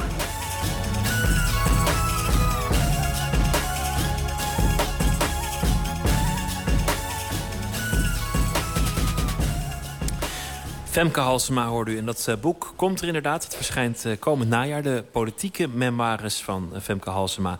Een bijdrage van uh, Tjitske Mussen in gesprek met Halsema en Hasna Bouassa. En de eerste aflevering van Seks en de Zonde is zondag om kwart over acht te zien...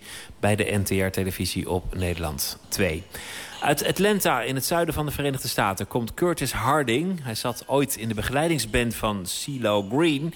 maar heeft nu zijn eigen plaat gemaakt. En die plaat heet heel toepasselijk Soul Power. Het nummer heet Freedom.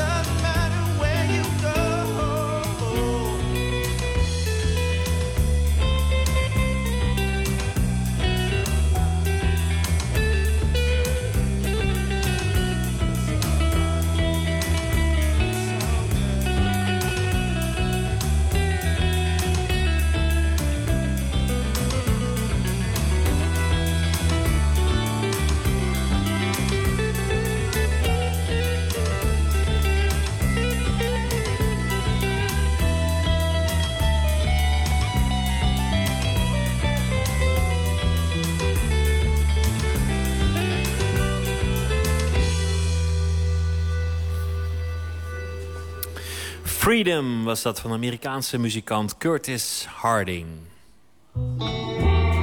Nooit meer slapen.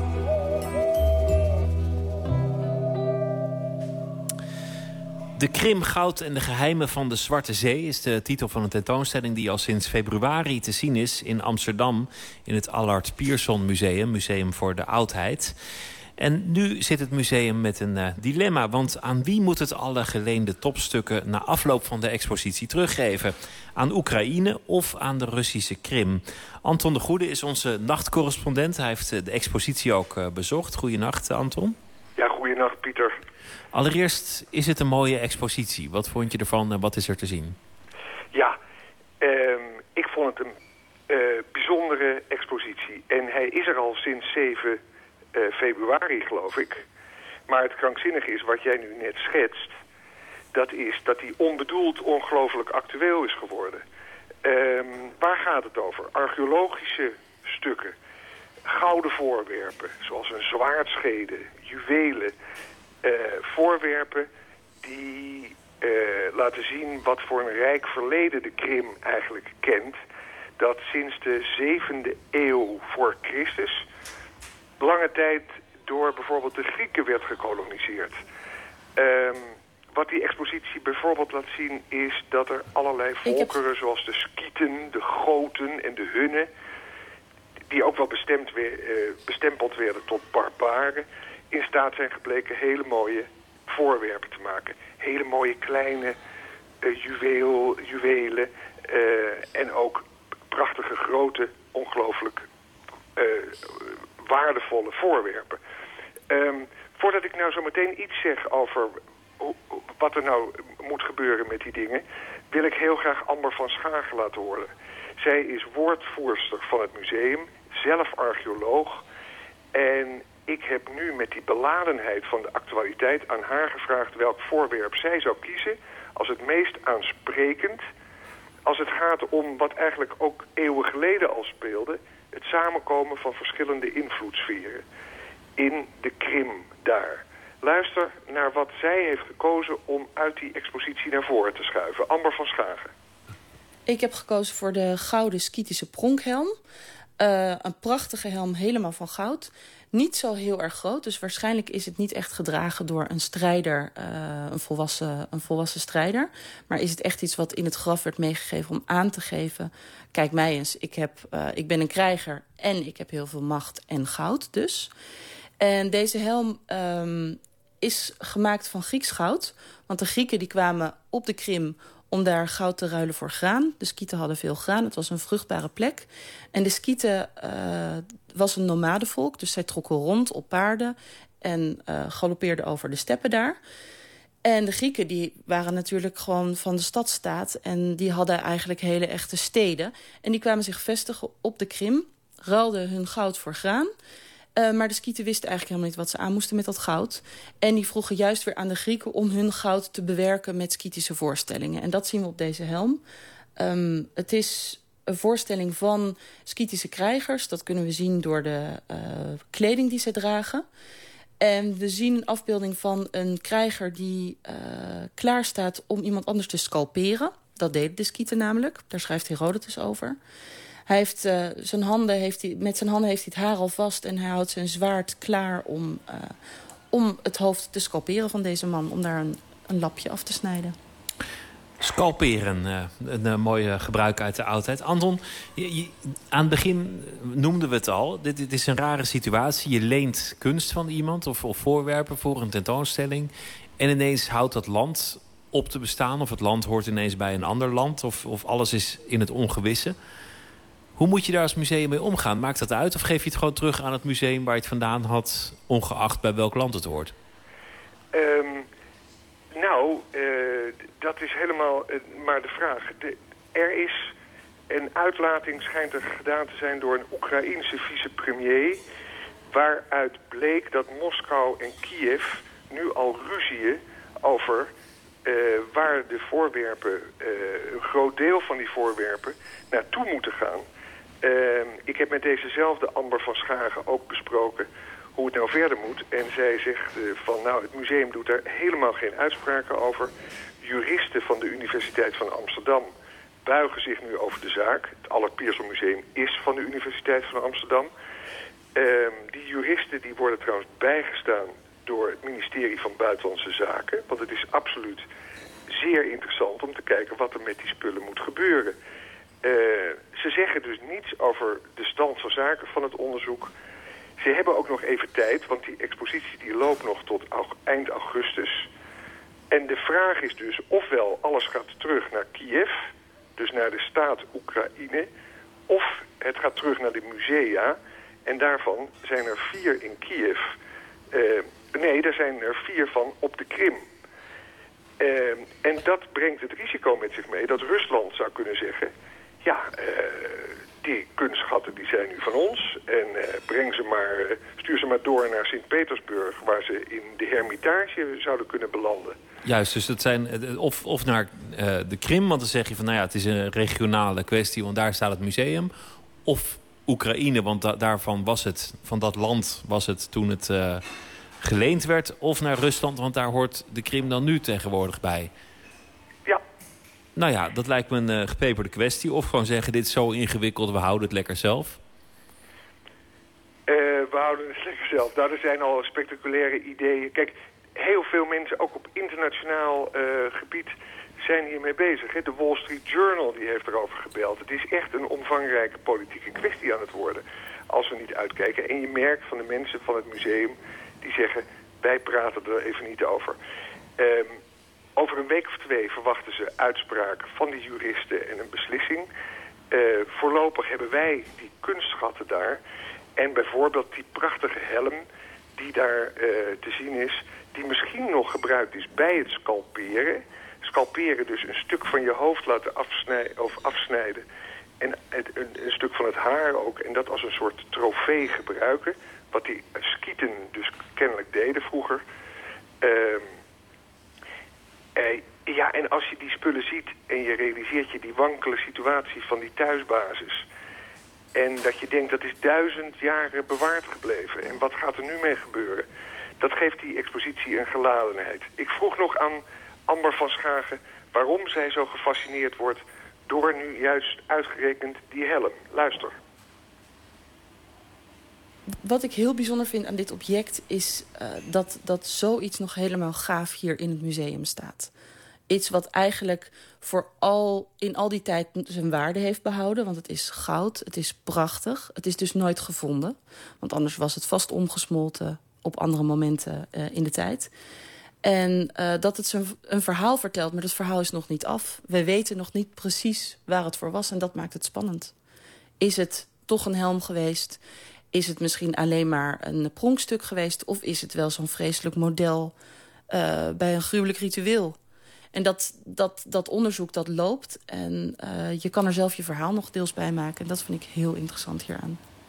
Ook interessant, Anton, is dat als iets een strategisch gelegen plek is, geografisch, dat dat door de hele geschiedenis blijft. Dus dat blijven altijd plekken waar volkeren overheen denderen, ruzie maken, cultureel, cultureel versmelten, dat soort dingen.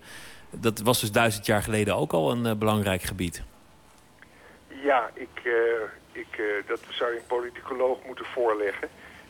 maar dat is ongetwijfeld zo. Ja, wat moet ik daarop zeggen? Het, het, het, het, bijzondere is dat als je nu gebogen staat over die vitrines... en je ziet dat minutieuze gepruts wat het ooit geweest moet zijn aan die, aan die voorwerpen. Overigens waren het geloof ik de Grieken die in opdracht van die skieten dat werk uitvoerden. Uh, het, het, is ook de, de samenstelster van deze expositie heeft bij de opening in februari nog gezegd dat het zo prachtig is dat allerlei volkeren nu in de Krim vredig samenleven. Nou, er is dus in de tijd van een paar maanden uh, is daar toch een drastische verandering in gekomen. Die kwetsbare kunst doet je helemaal voelen dat ook de status van zo'n land kwetsbaar is. En ook de toekomst van die voorwerpen. Wat gebeurt er straks met ze? Waar belanden ze? Het is uh, um, te zien in het Allard Pierson Museum in Amsterdam. Anton de Goede, dank je wel. En een... Uh goede nacht voor dit moment. Jij ook. daar in dat, uh, in dat hardlopers... in dat harddravers gebeuren in Utrecht. Ja, We gaan luisteren naar een van de meest breekbare platen van dit jaar tot nu toe. Van de Deense Maaike Vos Romme, opererend onder de naam Broken Twin. We draaien het nummer Glimpse of a Time.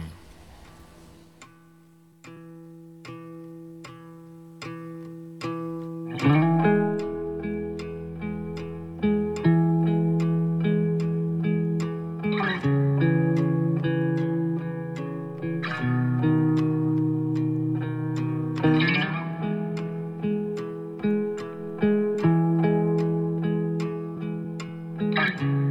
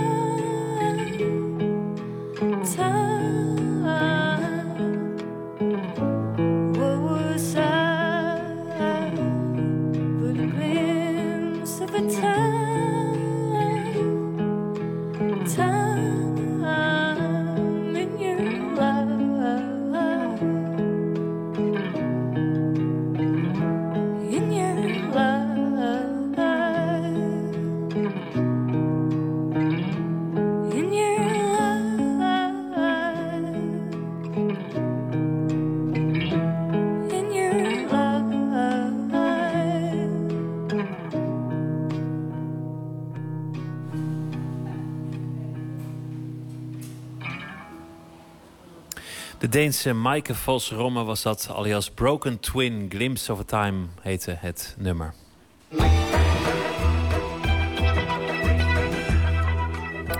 We luisteren naar de VPRO op Radio 1, Nooit meer slapen. De Russische dichter en activist Kirill Medvedev... is samen met de dames van Pussy Riot... een van de meest bekende en prominente jonge kunstenaars... die zich verzet tegen het regime van Poetin. In zijn zojuist vertaalde bundel met de prachtige titel Alles is slecht schrijft hij in essays en gedichten over cultuur, politiek en de manier waarop geld de kunst kan beïnvloeden. Verslaggever Maarten Westerveen sprak met Medvedev in Rotterdam, maar ging eerst langs bij een bewonderaar van zijn werk.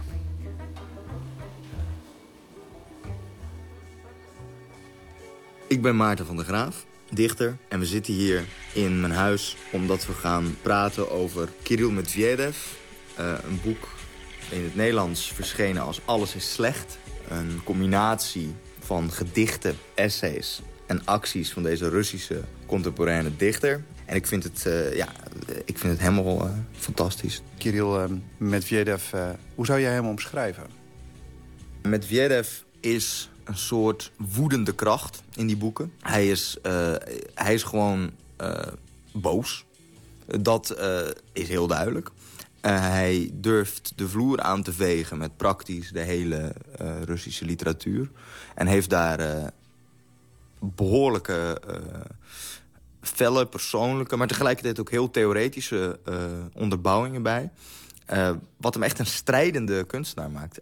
Hoe zou je zijn filosofie omschrijven? Want het, het, het staat allemaal niet los van zichzelf. Hij, hij heeft een, een boodschap die hij over wil brengen. Maar hoe zou jij die boodschap samenvatten? In zijn essays is in ieder geval een van zijn boodschappen... dat er uh, geen echte intelligentia meer is in Rusland.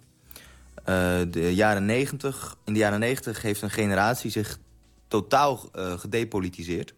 En hebben zich um, op het privéleven gestort met de beroemde verdediging van Brodsky van het dichterschap als laat me met rust.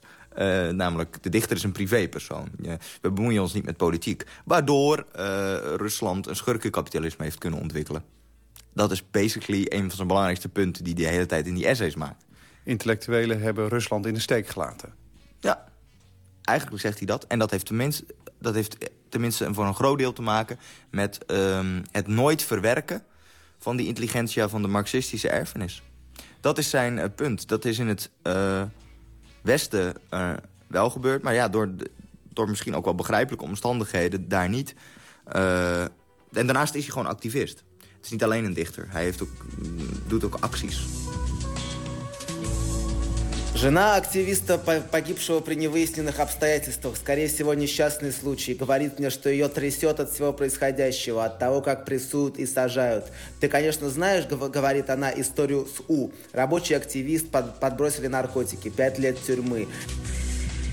Waar strijdt Kirill nou zelf voor? Medvedev strijd is een, in deels ook een soort poëticale strijd. En, uh, namelijk laten zien dat literatuur niet uh, los staat van het politieke. Dat het persoonlijke daar niet los van staat. Uh, dat je eigenlijk verantwoordelijkheid hebt als dichter. Zijn project, dat vind ik een van de allerinteressantste dingen aan hem. Hij uh, heeft het over Alexander Brener in een van die essays. En Alexander Brener was een, een, een kunstenaar die heeft hier in Nederland... heeft hij ooit nog jaren, volgens mij zelfs, vastgezeten. Of in ieder geval een hele tijd vastgezeten. Omdat hij in een van zijn acties het stedelijk is ingelopen en op een uh, Malevich uh, uh, een dollarteken heeft gesprayed. En toen, toen is hij opgepakt. Ja, een beroemde actie van hem.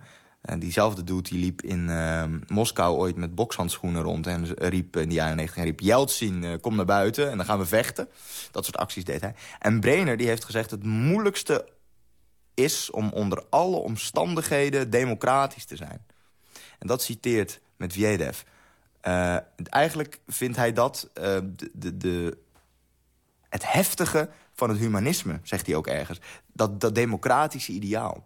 Radicale democratie, zou je kunnen zeggen. Ergens is dat ook in zijn, in zijn grammatica zelfs en in zijn stijl is dat een doel. Uh, en dat is heel moeilijk te omschrijven hoe dat, waar dat heen gaat of zo. Maar die, die, die drive interesseert me behoorlijk. Soms als je die acties van uh, andere activisten als Pussy Riot ziet... dan bekruipt nog wel eens het gevoel dat het iets is dat vooral voor Russen relevant is. Maar waarom is het nou voor ons relevant dat Medvedev hier nu is... en dat we hem deze week hier in Nederland kunnen zien en horen spreken? Ik heb niet het gevoel dat uh, acties à la Pussy Riot of zo... alleen maar voor Russen relevant zijn eigenlijk. Um, ja, wanneer mensen in opstand komen tegen een samenzwering van uh, het patriarchaat... en dan bedoel ik niet alleen de kerk, maar ook uh, in de feministische zin des woords... en uh, de overheid en een land waar homoseksuelen dat moment uh, vervolgd... Alle, allerlei dat soort seksist, seksistische ellende. Uh, en dan gecombineerd met een regime wat je gewoon... Uh, nou ja, dan is dat ook voor ons relevant. Want uh, dat soort machten zijn zeker niet alleen voorbehouden aan Rusland. Ook al zijn ze daar zichtbaarder. Dus je, kunt, je, kunt, je, je kunt sympathiseren met zulke actie. Je moet, je moet daar niet te beschoomd voor zijn. Niet alleen maar denken, maar wij hebben het zo goed. En ik, wat kan ik hier nou over zeggen? En daar gebeurt het leven echt. Dat is de grote valkuil. Ik zoek Kirill Medvedev op in Rotterdam, waar hij die avond zal spreken. Voor iemand die bereid is het op te nemen tegen Poetin... maakt hij een bescheiden, bijna verlegen indruk. Kirill's antwoorden worden vertaald door Nina Targan-Moravi. Wat, wat doet een, een Russische dichter en activist hier in Nederland? Ну, русский поэт презентует свою книжку, вот, а... De Russische dichter is hier om zijn boek te presenteren. En uh, in tweede instantie hoop ik natuurlijk een uh, gemeenschappelijke platform te vinden. Dus in, in, tweede instantie hopen wij dus dan mensen te bereiken... die net als wij uh, met kunstactivisme en politiek activisme bezig zijn. Het lijkt me heel bevreemdend om als kunstenaar en activist in Rusland bezig te zijn... en dan hier in West-Europa te komen en je verhaal te vertellen... En, en, te zien dat die twee werelden zoveel van elkaar verschillen. De situatie tussen uh, hier en daar uh, is uiteraard heel erg verschillend. Maar uh, het respons wat ik krijg, daar en hier... dat verschilt niet zozeer van elkaar. ik kan merken aan de reacties van mensen... dat, dat diezelfde vraagstukken mensen hier ook bezighouden... Um, en uh, mijn, naar mijn idee is mijn uh, doel als dichter... is juist vragen te stellen. En soms vragen waar op dit moment geen antwoord op is. Dus wat dat betreft uh, zie ik weinig verschil ehm, nou ja, in opinies... En, of tenminste een respons tussen mijn land en wat ik hier tegenkom. Wat heeft je toe besloten om je te engageren? Het, is natuurlijk niet een soort besluit wat ik э, in één keer genomen heb. Maar toen ik opgroeide in de jaren negentig... Eh, groeide ik op met een soort voorstelling van een eh, dichter. Een romantische voorstelling. Ehm, en een dichter was eh, volgens die voorstelling een soort inderdaad een banneling, een eenzelganger, een romantische figuur. Maar langzamerhand uh, ben ik gaan beseffen uh, dat die plek uh, van een uh, romantische eenling... voor de dichter al lang was ingeruimd. en dat is, dat is er dan nog steeds. En op deze manier kan een dichter geen enkele invloed oefenen, uitoefenen op de werkelijkheid. En die werkelijkheid die zich steeds duidelijker aftekende om me heen... Ehm, aan de ene kant dus een soort bourgeois... Ehm, de opkomst van de bourgeoisie en de burgerlijkheid. En aan de andere kant een steeds strakker aandrijven, duimschroeven van het uh, totalitarisme. Um, en dat zinde me helemaal niet. Uh, en ik ben mijn positie als dichter gaan herdefiniëren... om toch wat uh, meer betrokkenheid en dus ook meer invloed te kunnen aan de dag kunnen, of tenminste te kunnen tonen. Is er een doel dat bereikt kan worden met je werk? Цель, э, цель есть глобальная, да, моя глобальная nou, als we het hebben over een uh, groot, een soort globaal doel... Uh, dan uh, uh, zou ik natuurlijk willen bereiken, of helpen bereiken... dat onze maatschappij democratischer wordt, verdraagzamer wordt. Ehm, dat het revanchisme en um, dat imperiummentaliteit... dat dat dus dan plaats inruimt voor, voor een ander, humaner systeem. Nou ja, en om een bijdrage kunnen leveren aan die positieve veranderingen een bescheiden bijdrage desnoods... Uh, vind ik dat ik dus op meer vlakken bezig moet zijn... Uh, als dichter in de eerste plaats, uh, maar ook als uitgever. En met muziek kun je uiteraard dus ook bredere kringen... grotere massa's bereiken.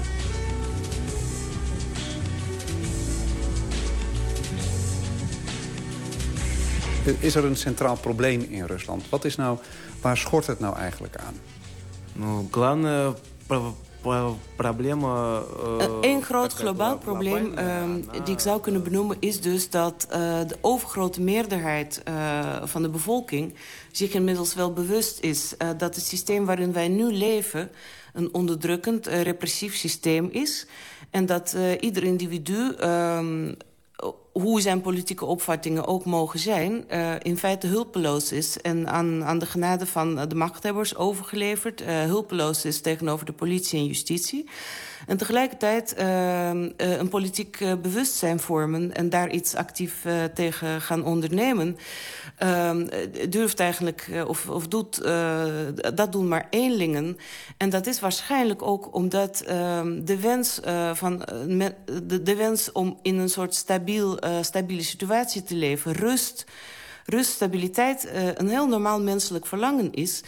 En uh, de chaos uh, van de jaren negentig staat iedereen nog levendig voor ogen. Dus uh, daar is men zo van geschrokken dat men dat nu niet meer aandurft. Het is heel confronterend om, om je nu hier te zien zitten en over je te lezen. Want ik besef, er zijn ook hier problemen. Maar daar zijn ze misschien allemaal wat, net wat gevaarlijker. Maar even zo goed blijft de stap van, van passiviteit naar engagement eentje... die eigenlijk heel erg mysterieus is. Hè? Wat, wat zorgt er nou voor dat op een gegeven moment mensen in beweging gaan komen... en waarom blijven ze zitten? Uh, ну, на самом деле в этом действительно есть таинство, и поэтому... Um, u heeft gelijk, er zit iets van een mysterie in... En natuurlijk zou ik uh, eindeloos uh, kunnen uitweiden over dat, ik, dat de maat op een gegeven moment vol was. Uh, dat ik het gewoon niet mee eens was. dat ik me niet kon verenigen met, met dat systeem. Um, maar het is waarschijnlijk dan ook zo dat ik het gewoon heel erg nodig heb... voor mijn ontwikkeling als dichter. Want dichter voel ik me al sinds mijn vroege jeugd. Eigenlijk al 15 jaar ben ik daarmee bezig. En daarvoor moest ik waarschijnlijk die stap zetten. Uh, dus uh, op een zeker moment, um, om, om me te kunnen ontwikkelen als dichter...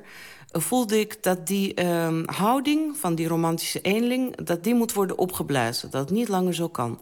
En um, dus naast jezelf uitdrukken, wat natuurlijk een dichter eigen is... Uh, moest er toch ook iets van uh, politiek activisme, politiek bewustzijn uh, komen.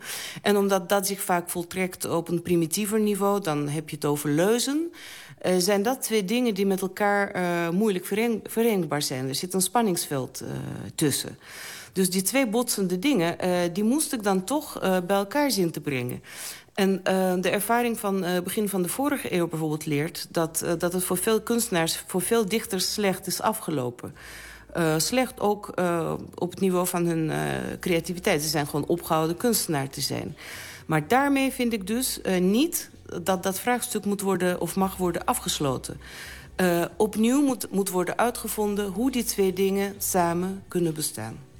Je mag een dichter eigenlijk niet vragen, maar is er hoop? Да, надежда есть. Jazeker, de hoop is er. En dat is eigenlijk wat ik ook steeds hoor van mensen die dit boek uh, beginnen te lezen. En dat doet mij deugd.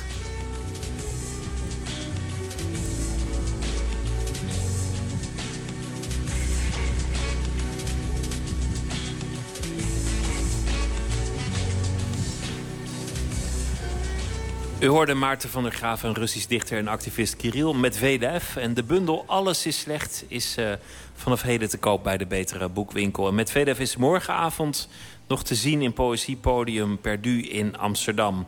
En daarmee zijn we aan het einde gekomen van deze aflevering van Nooit meer slapen... vanaf het uh, Vlaams Filmfestival in Utrecht. Dat nog tot zondagavond loopt met heel veel vertoningen... en premières van uh, Vlaamse films die het Nederlands publiek zo hopen te bereiken. Morgen is uh, Nooit meer slapen er weer, na middernacht. Dan komt filmmaker Billy Pols langs. Vanaf volgende week is zijn film Zombie in de bioscoop te zien. En daarin volgt hij de Rotterdamse skateboarder Tim Zom... die zich losvecht van een duister verleden en op het punt staat internationaal door te breken als uh, skater. U kunt ons uh, bereiken via Twitter, @vpro_nms of via de mail nooit meer slapen, vpro.nl. Ik wens u voor nu een hele goede nacht en morgen een leuke dag. En graag tot dan. Straks op deze zender kunt u luisteren naar Astrid de Jong, de nachtzuster. Zij probeert vragen te beantwoorden met hulp van de luisteraars. Voor nu een hele goede nacht.